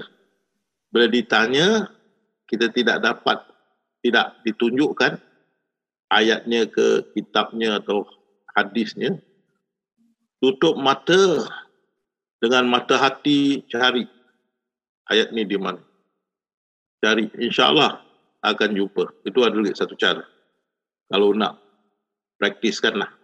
Seperti uh, aku tengok saya tutup mata ni, tapi saya bisa melihat rujukan-rujukan yang perlu saya sampaikan. Seperti kalau ikut saya di korang, saya menjawab dengan cepat. Satu soalan, satu soalan dengan cepat. Saya tidak uh, cari rujukan, kerana rujukan ditunjukkan. Jadi saya terus apa tu type kan begitu. Itu yang pertama. Yang kedua tu yang ditanya saya tu uh, dah, dah tak ingat apa dia yang kedua tu. Ha? Apa dia soalan kedua tadi? Apakah orang sufi, kaum sufi di dalam membuat Quran itu terjemah? Nah kita takwil. Pasal apa tafsir tak boleh. Kalau tafsir uh, itu selalu membingungkan. Allah tu zahir. Maha dia maha zahir. Kalau kita nak tafsirkan itu habis pokok kayu batu menjadi Tuhan. tak boleh. Kita kena takwil. Dan Allah meliputi semua. Apa ni? Meliputi ni. Kita kena takwil. Allah maha halus. Macam mana Allah halus tapi dia maha besar kan? Banyak perkara kita kena takwil. Kan? Kita tak boleh terima begitu saja. Pasal itu akan itu itu adalah uh, syariah di luar. Kita di dalam lain. Kita kena takwil, tak boleh tafsir. Tafsir tak boleh sampai. Banyak ayat-ayat Allah maha besar. Macam mana kita nak tafsirkan dia maha besar? Allah maha luas. Macam mana nak tafsir dia luas? Kita tak boleh ukur. Kan? Macam mana dia maha tinggi? Macam mana dia melihat mata dia banyak? Mendengar telinga dia banyak? Tapi kita boleh takwilkan dengan ilmu kita. Itu pasal bila saya ambil masters dalam syariah, saya diajar satu-satu uh, tafsir Al-Quran yang diterima adalah tafsir ahli sufi. Kita ada kita punya bahasa. Kita punya takwil. Ada. Jadi itu beza di antara kita punya pandangan dalam bahasa baca Al-Quran dengan orang biasa baca Al-Quran. Bagi kita, bila kita Allah Akbar, kita tahu. Allah maha macam mana, maha luas, kita tahu. Dan dan bukan saja itu dari segi loh mahfuz juga. Dengan takwil kita, jemaah kita tidak lagi kaku atau kekuk dengan loh mahfuz. Tapi kalau tidak dengan ilmu kita mentakwilkan, kita tidak langsung tu apa tu loh mahfuz. Apa ni kitab ni apa ni? Kita tak tahu macam apa tu loh mahfuz. Kan? Tapi bila kita sudah ada ni ilmu kita boleh takwilkan low mahfuz begini, begini, begini. Dia tidak akan berubah. Dia ada plan induk Allah dan sebagainya. Tidak satu Allah lupakan. Takdir kita pun ada dalam situ. Kita buat orang memahami low mahfuz tu lebih jelas. Lebih ma- mantap dan lebih faham. Jadi ahli sufi dia takwil dia bukan tafsir. Itu betul. Itu saya punya jawapan. Eh, terima kasih Ustaz. Sekaligus menjawab dua pertanyaan tentang ilham dan tentang takwil yang sering ditanya oleh sahabat yang semua di sahabat masih Indonesia. Bagaimana ilham itu, terus bagaimana kita belajar tentang Al-Quran. Alhamdulillah setelah terjawab dengan sangat tegas dan jelas. Ini ada Pak Har, silakan Pak Har. Iya Pak Er. Ya. Terima kasih. Assalamualaikum warahmatullahi wabarakatuh. Waalaikumsalam. Waalaikumsalam. Eh, ini tentang situasi saat ini Ustaz.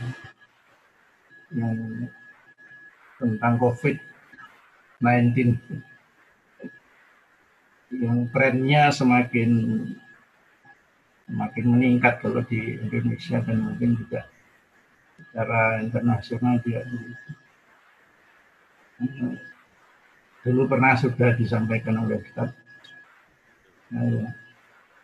Kami hanya ingin untuk saat-saat sekarang ini mendapatkan pandangan dan saran-saran Ustadz menghadapi situasi saat ini. Itu aja Ustaz, terima kasih. Assalamualaikum warahmatullahi Seperti uh, syarah saya dulu, tazkirah saya,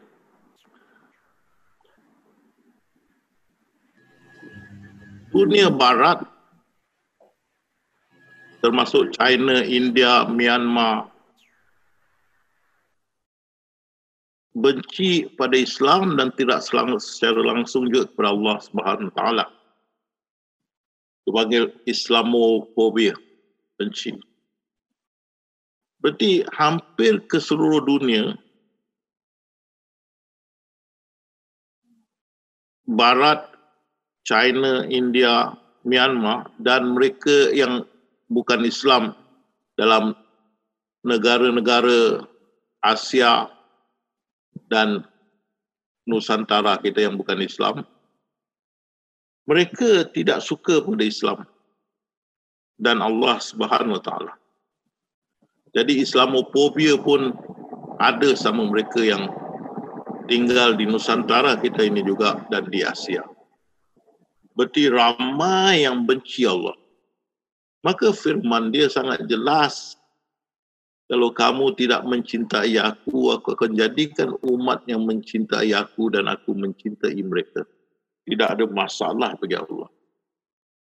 Maka ditunjukkan penyakit ini, coronavirus ini, dan satu dunia tidak terlepas daripadanya. Kalau dulu SARS, India tidak kena. Sekarang semua tidak boleh lari daripada dia. Bukan saja itu, Allah juga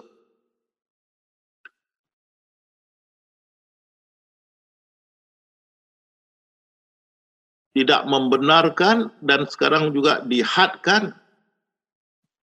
bagi kita mau ibadah ke tempat ke rumah-rumahnya tu masjid-masjid Masjidil Haram Masjidil Nabawi umrah haj salat Jumaat dan sebagainya Allah menyusahkan kita seperti tidak mau lagi terima. Kerana apa? Dunia yang bukan Islam membenci Islam dan Allah. Dunia Islam senyap. Tidak mau memperbetulkan keadaan. Jadi ini akan berlalu, akan terus-terus. Dan sekarang kita ada dengar coronavirus second round sudah di apa tu sudah dikatakan ini baru round pertama round kedua akan datang itu dari segi coronavirus tapi impaknya pada ekonomi lagi teruk ramai tidak bekerja banyak bisnes-bisnes tutup dan sebagainya apa yang dunia buat? Tak ada apa pun. Nak membetulkan keadaan. Tapi Alhamdulillah, syukur pada Allah. Kita ahli sufi sudah masuk ke platform internasional menerusi Korah. Dan pada saat ini sudah banyak kekurangan tumah pada Allah, pada Islam, pada Quran pada Rasulullah. Sebelum kita masuk ke platform Quran ini eh, antara bangsa, banyak kata nesta perli kedekan cerca kepada Allah, kepada Islam, Al-Quran dan Rasulullah SAW. Tapi semenjak kita masuk bulan April tahun ini, kita mempertahankan kesucian Allah sebagai anggota dari Yamas Indonesia, hai anak muda, jagalah agama Allah. Allah akan menjagamu. Jagalah agama Allah dan kamu akan dapat pertolongan Allah. Kita berpegang pada itu. Dan Alhamdulillah suka hati, suka cita kita yang tumahan, cerca, caci, perli, herdikan kepada Allah. Islam, Al-Quran dan Rasulullah dah banyak kurang. Alhamdulillah syukur. Jadi kita sudah mainkan peranan supaya dunia barat atau international janganlah membenci Allah SWT. Janganlah salah faham tentang Allah. Bahawa bahawasanya Allah ni Tuhan yang bengis, yang suka menyiksa dan sebagainya. Yang tidak fleksibel dan sebagainya. Dan bagi orang Islam yang cuba menunjukkan keadaan ini kita memperbetulkan mereka. Itu salah. Kan? Jadi kita ahli sufi sudah masuk ke arena international dan sekarang lebih dari satu million sudah mengikuti kita. Dan kita selalu dapat banyak uh, pembaca yang mengikut tulisan-tulisan saya dalam bahasa Inggeris. Dan kita tidak dapat banyak orang yang melawan kita. Alhamdulillah, syukur. Dan bawa membawa kesedaran pada dunia barat sejumhur bahawa Allah itu tidak zalim. Jadi kita sudah mainkan peranan kita di arena international. Dulu di arena Nusantara ini menusi seminar-seminar arah tujuan ummah. Sekarang di arena international kita menjalankan tugas kita. Menyedarkan Allah tidak zalim, Allah maha pengasih, maha penyayang. Islam adalah agama yang aman. Jadi kita sudah mulai jadi kita lihat lagi apa akan berlaku seterusnya? Ada tak dari lain-lain sudut yang akan uh, membangunkan uh, pandangan yang Allah tu maha pengasih, maha penyayang Islam ada agama yang aman? Kita mau lihat ada tak lain-lain akan bantu kita? Ataupun kita akan diberi lain tugasan selain dari ini, kita tengok. Tapi yang saya nak katakan, kita sudah mulai dakwah kita. Untuk memperbetulkan keadaan dengan itu dalam forum. Mereka tidak lagi kita dapat memperbetulkan keadaan. Semoga ini dapat berluar-luasa sehingga dunia tidak membenci Allah. Maka insya-Allah balak yang turun ni Allah akan angkat. Jadi uh, Pak Har kita ahli sufi kita sudah jalankan tugas kita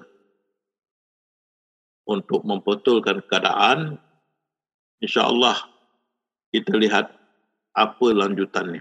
Itu saya punya jawapan.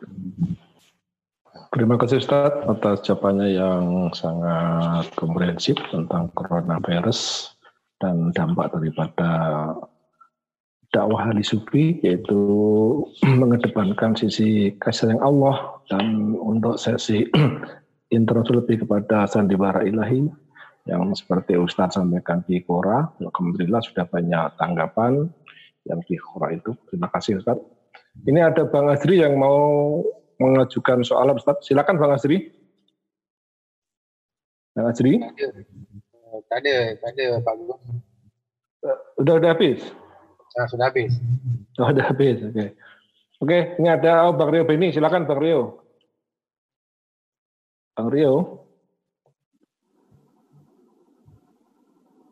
Bang Rio, halo. Assalamualaikum Ustaz. Waalaikumsalam. Kurang keras dikit Bang Bang Rio. Ya, halo. Halo Bang. Oke, oke, oke. Silakan. Ya, uh, Assalamualaikum Ustaz. Yang pertama mengucapkan selamat uh, milad, semoga berkah selalu Ustaz. Uh, mohon maaf ini juga agak telat joinnya. Ingin menyampaikan pertanyaan dari web Ustaz. Di web itu ada yang bertanya bagaimana uh, penjelasan detailnya mengenai membaca kulhu di antara pintu depan dan pintu belakang Ustaz. Dia bertanya uh, tentang salah satu tulisan Ustaz yang intinya adalah uh, intinya adalah sebentar kalau kita membaca surat ikhlas nanti kita akan mendapati uh, mendapati bahwa ya kita akan mendapati surat ikhlas itu seperti sebuah sindasana di mana ingatan zikrullah terletak di atasnya mungkin bisa di, diberi penjelasan mengenai mengenai bahasan ini Ustaz. Jadi kita seperti dijelaskan tadi, bila kita duduk di pintu belakang ataupun di base camp, base camp dan pintu belakang hanyalah seperti duit siling, uh, kepala dan bunga. Kalau kita menghadap ke depan, itulah base camp. Kalau kita menghadap ke belakang, itulah pintu belakang. Seperti diterangkan tadi, bila kita betul-betul khusyuk, berarti kita punya jiwa sudah di atas. Berarti roh kita sudah bersatu dengan mindah kita. Sudah jadi jiwa. Dengan itu di bawah kita sudah tidak rasa lagi. Saat sakit ke gatal ke apa, tidak rasa lagi. Kita sudah ada di atas. Tapi untuk sampai ke situ, mau latihan. Tapi kerana ada kalian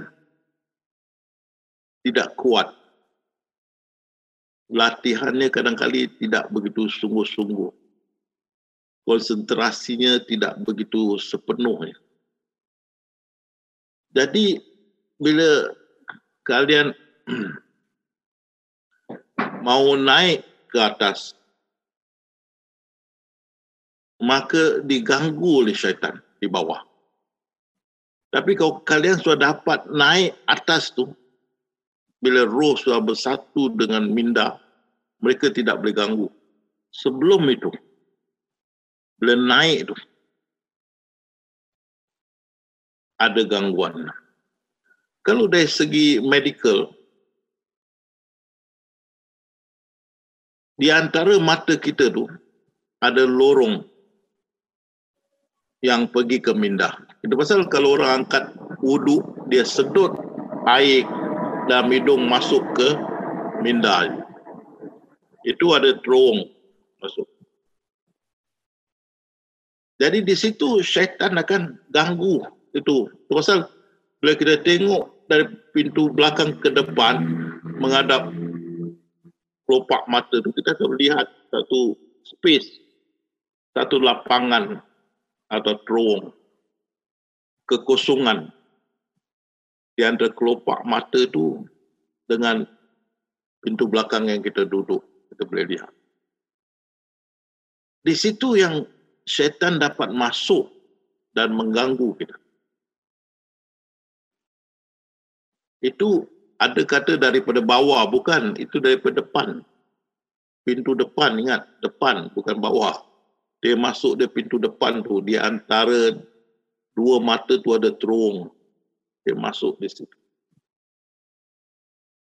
Dan dia mesti terung tu dia masuk, dia ganggu supaya kita tidak dapat mengatasi tu level yang seperti Dr. LC katakan, itu ada satu level, kita mengatasi itu, roh kita bersatu dengan minda menjadi jiwa, mereka tak boleh ganggu lagi. Dan belum sampai tu mereka selalu ganggu. Jadi nak ingat Allah tu duduk di base camp. Sangat susah. Melainkan kita penuhkan terung itu dengan surah akidah. Jadi lapangan itu hendaklah kita penuhkan sambil ingat Allah kita baca suratul ikhlas itu tujukan kepada tempat terong itu. Di antara kelopak mata tu, belakang kelopak mata tu sampai ke tempat pintu belakang. Penuhkan. Itu yang Syekh Abdul Qadir Jalani berkata, dirilah dengan pedang tauhid dan rebaslah apa yang nak masuk dalam bilik halwat kamu. Jadi yang kita nak sampai itu bilik itu di mana uh, minda dengan roh bersatu menjadi jiwa. Tapi nak roh nak naik itu diganggu macam-macam. Untuk menghalau mereka, baca suratul akidah, suratul ikhlas, baca. Penuhkan, tujukan. Seperti tadi Dr. LC berkata, dia penyakit dia tu, dia tujukan zikrullah, ingatan Allah tu, dia tujukan kepada penyakit tu, penyakit tu lari. Begitu juga kita tujukan bacaan kita ke dalam terowong itu. Lapangan di antara base camp tu dalam minda kita, dalam otak kita. Dengan lapangan, dalam lapangan di antara otak kita, minda kita, dengan kelopak mata kita, di belakang kelopak mata kita. Penuhkan. Itu lapangan tu. Itu ada terowong dia masuk. Jadi dengan itu kalau kamu sentiasa begitu lama-lama dia give up, lama-lama kamu dapat mengingat Allah tanpa gangguan. Ya, tapi selagi itu dia ganggu, selagi itu ingat Allah dan baca kulhu banyak-banyak tujukan pada terong itu penuhkan, jangan berhenti. Kamu akan rasa uh, perbezaannya. InsyaAllah. Itu nak membantu supaya kamu boleh ingat Allah sentiasa. Itu saya menjawab. Oke, terima kasih Ustaz. Mungkin ini ada ya pertanyaan terakhir, the last question. Dan sudah hampir jam 10 malam. Silakan Bang Abdul Aziz tadi kalau tidak salah ya yang mau bertanya. Oke, Bang Haji, silakan Bang. Pertanyaan terakhir. Assalamualaikum warahmatullahi wabarakatuh. Ustaz. Assalamualaikum. Amat bulan Ustaz. Ya Allah selalu dilimpahkan Ustaz dan keluarga. Ustaz, saya ingin bertanya. Yang pertama, uh, meneruskan pertanyaan tadi uh, KLC tadi bahwa ketika NST itu uh, naik cerah tunggu ketika kita punya masalah, apa terus tunggu, kemudian bisa kita langsungkan dengan ROC Ustaz. Jadi NST, misalnya kita punya satu persoalan, kemudian kita NST, naik, cerah, tunggu. Nah, pada saat tunggu itu, kita langsung posisinya ke sambil nunggu, itu langsung ke ROC. Itu yang pertama. Yang kedua, Ustaz, maaf, eh, menyangkut tentang eh, Asmaul Husna. Apakah eh, di Asmaul Husna itu kita hanya eh, berarti lingkupnya bicara Asmaul Husna itu misalnya wal awal wal akhir itu hanya pada sampai berhenti kepada yang maha halus saja. Maha itu berhenti. Jadi semua yang asmaul husna itu berhentinya di asma, di yang maha halus itu di zat ya, di zat uh, yang zat atau marifatnya kepada yang maha halus itu. Itu uh, yang kedua. Ya. Kemudian yang ketiga uh, meneruskan tentang pelajaran bahwa uh, selama ini uh, setiap kita dengar pengajian segala macam itu kan selalu merujuk kepada tafsir, bukan tafsir ini, bukan tafsir itu, bukan tafsir ini.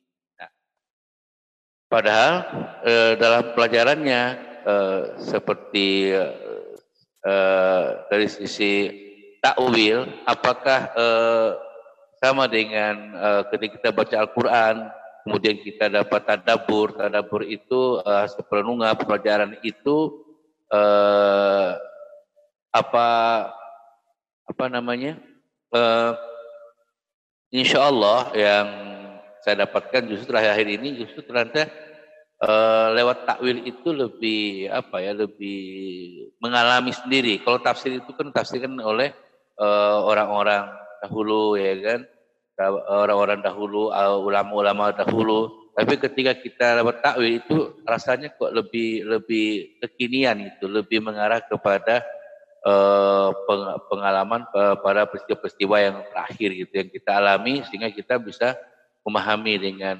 takwil itu. Nah itu aja Ustaz tiga aja pertanyaan saya. Mohon maaf. Terima kasih banyak Ustaz. Assalamualaikum warahmatullahi wabarakatuh.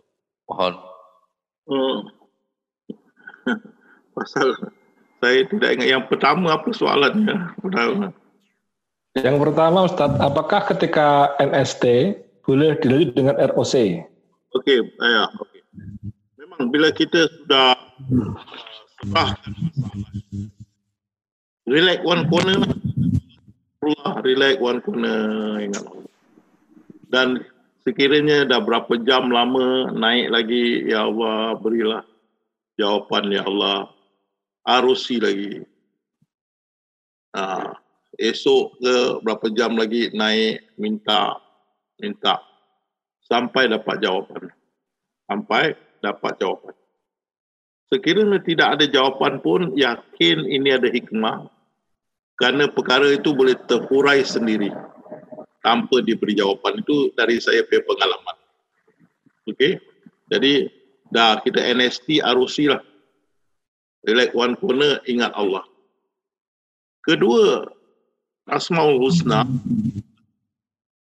Kalau apa tu Allahu Akbar tu tentu pasal Allah. Allah tu awal dan akhir tu pun pasal Allah juga. Pasal apa? Sebelum ada semua dia sudah ada. Dan bila semua juga binasa dia juga ada. Kan? Ya. Jadi kita punya itu dikatakan takwil. Kalau interpretasi lain interpretasi seperti uh, Allah tu berawal dan berakhir. Tidak. Ya? Sebelum ada apa, dia sudah ada. Allah sudah ada. Pada permulaan, Allah saja ada. Tidak ada apa pun bersama dengan. Akhir semua juga binasa. Yang tinggal Allah sendiri lagi. Awal akhir.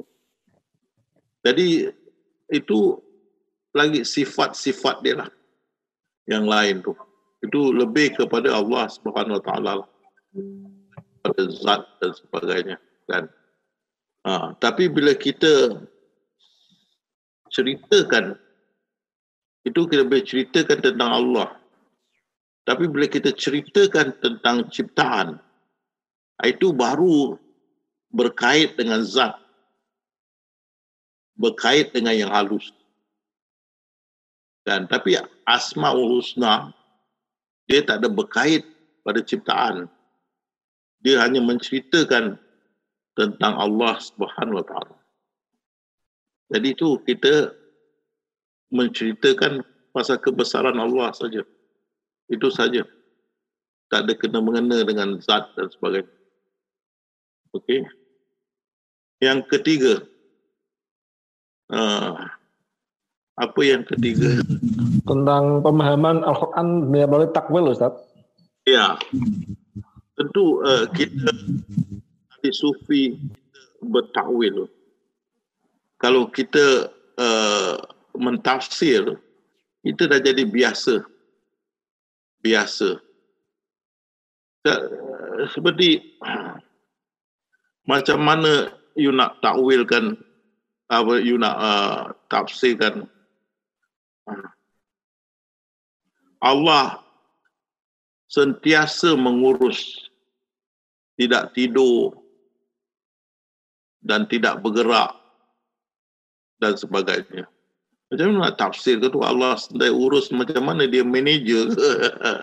Dia manager lah. Kan dia urus kan habis eh apa tu dia tak bergerak tak tidur macam mana kita nak tafsir itu dia macam manusia ke?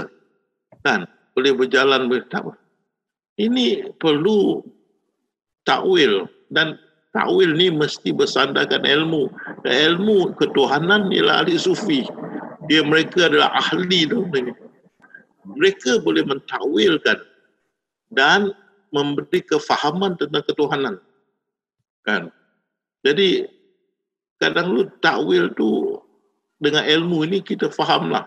Dan kerana dengan ilmu ini bila kita dapat suatu ilham ataupun satu pengalaman kerana kita ada ilmu ini maka pengalaman itu dan ilmu itu dapat membantu kefahaman kita tentang sesuatu. Jadi dengan tak selangsung itu mentakwilkan jugalah. Kebenaran jugalah kalau tengok di Quran kadang-kadang saya beri jawapan secara contoh dan contoh itu orang boleh faham. Kenapa contoh itu mentakwilkan bukan mentafsirkan. Beza. Jadi itu benar. Itu saya jawapan lah untuk sahabat saya, Ya Aziz. Terima kasih. Oke, terima kasih Ustaz atas jawabannya yang sangat jelas tentang NST lanjut ROC terus masalah asma husna yang memang banyak sahabat semua yang apa ada kebingungan di situ. Terus yang ketiga masalah tafsir dan takwil melanjutkan apa yang telah tadi oleh Mas Taufik. Alhamdulillah sesi tanjab kita untuk malam ini sudah berakhir karena sudah jam 10 lebih seperti biasa Ustadz mohon dipimpin kita untuk dikrullah selama 5 menit. Terus dengan sahabat-sahabat semua silakan Ustadz. Pesan saya ingatkan zaman Rasulullah SAW dan zaman sahabat mereka impak makrifatullah tu sangat kencang. Sampai kita lihat dia orang mereka eh, mereka bisa pecahkan tempayan berisi arak yang mahal-mahal kerana sudah haram bisa membunuh semua babi ya dalam bahasa Indonesia apa ya babi? Babi juga, babi sama. Bunuh. Perniagaannya tutup. Berkorban, berkorban mereka begitu hebat kerana impak marifatullah tu melukah mereka menjadi seorang yang daripada tidak beriman kepada mereka yang beringat beriman yang sangat mendalam. Jadi bagi mereka ingatan Allah menjadi automatik. Oh, langsung tidak payah prek latih. Langsung minda mereka bersih. Langsung boleh ingat Allah subhanahu taala. Tapi bagi kebanyakan jamaah kita yang dapat impak kuat Alhamdulillah. Tapi ada yang impaknya tidak begitu kuat. Maka bila zikrullah tu masih boleh diganggu oleh syaitan. Untuk mengatasinya, kita mesti ada konsentrasi. Makna ketumpuan, makna fokus ketumpuan. Bila kita tumpu segala galanya kepada sesuatu maka kita dapat mengatasi kelalaian seperti saya katakan kita lihat dari kaca TV orang main bola sepak sedunia kita boleh tumpukan dengan sebenar-benarnya maka itu dia kekusukan jadi kita mesti ingat Allah dan minda kita Allah Lepas tu kita mesti tumpukan pada ingatan Allah. Jangan ada penyelewengan. Tumpu terus. Sebab kita genggam terus pegang ingatan Allah. Pegang. Tumpuan fokus 100% dan bertahan istiqamah. Kalau ada gangguan di bawah, baca suratul ikhlas di bawah itu. Kalau tidak, terus saja. Ingat Allah. Okey, sudah ready. Bismillah. Ingat Allah, Allah. Dan minta Allah. Fokus. Tumpu pada ingatan Allah. Konsentrasi.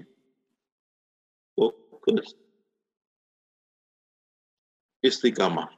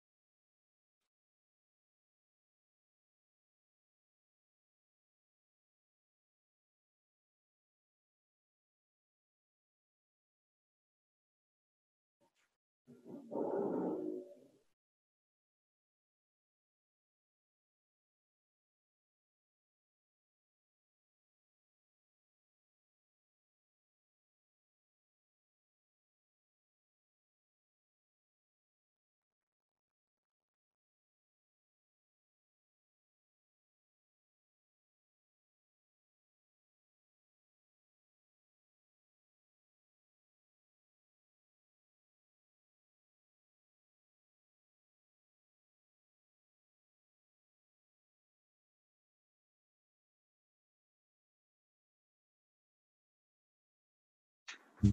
Istiqamah.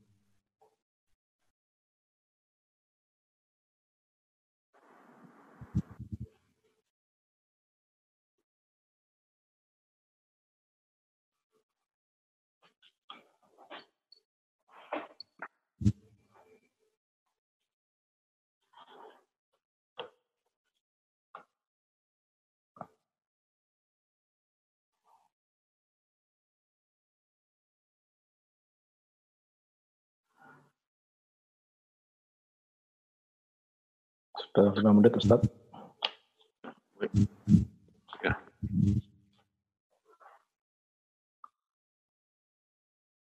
Baiklah, terima kasih. Terima kasih ucapan-ucapan hadiah dan sebagainya.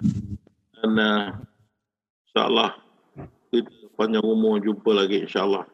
Wabillahi taufiq wal hidayah. Assalamualaikum warahmatullahi wabarakatuh.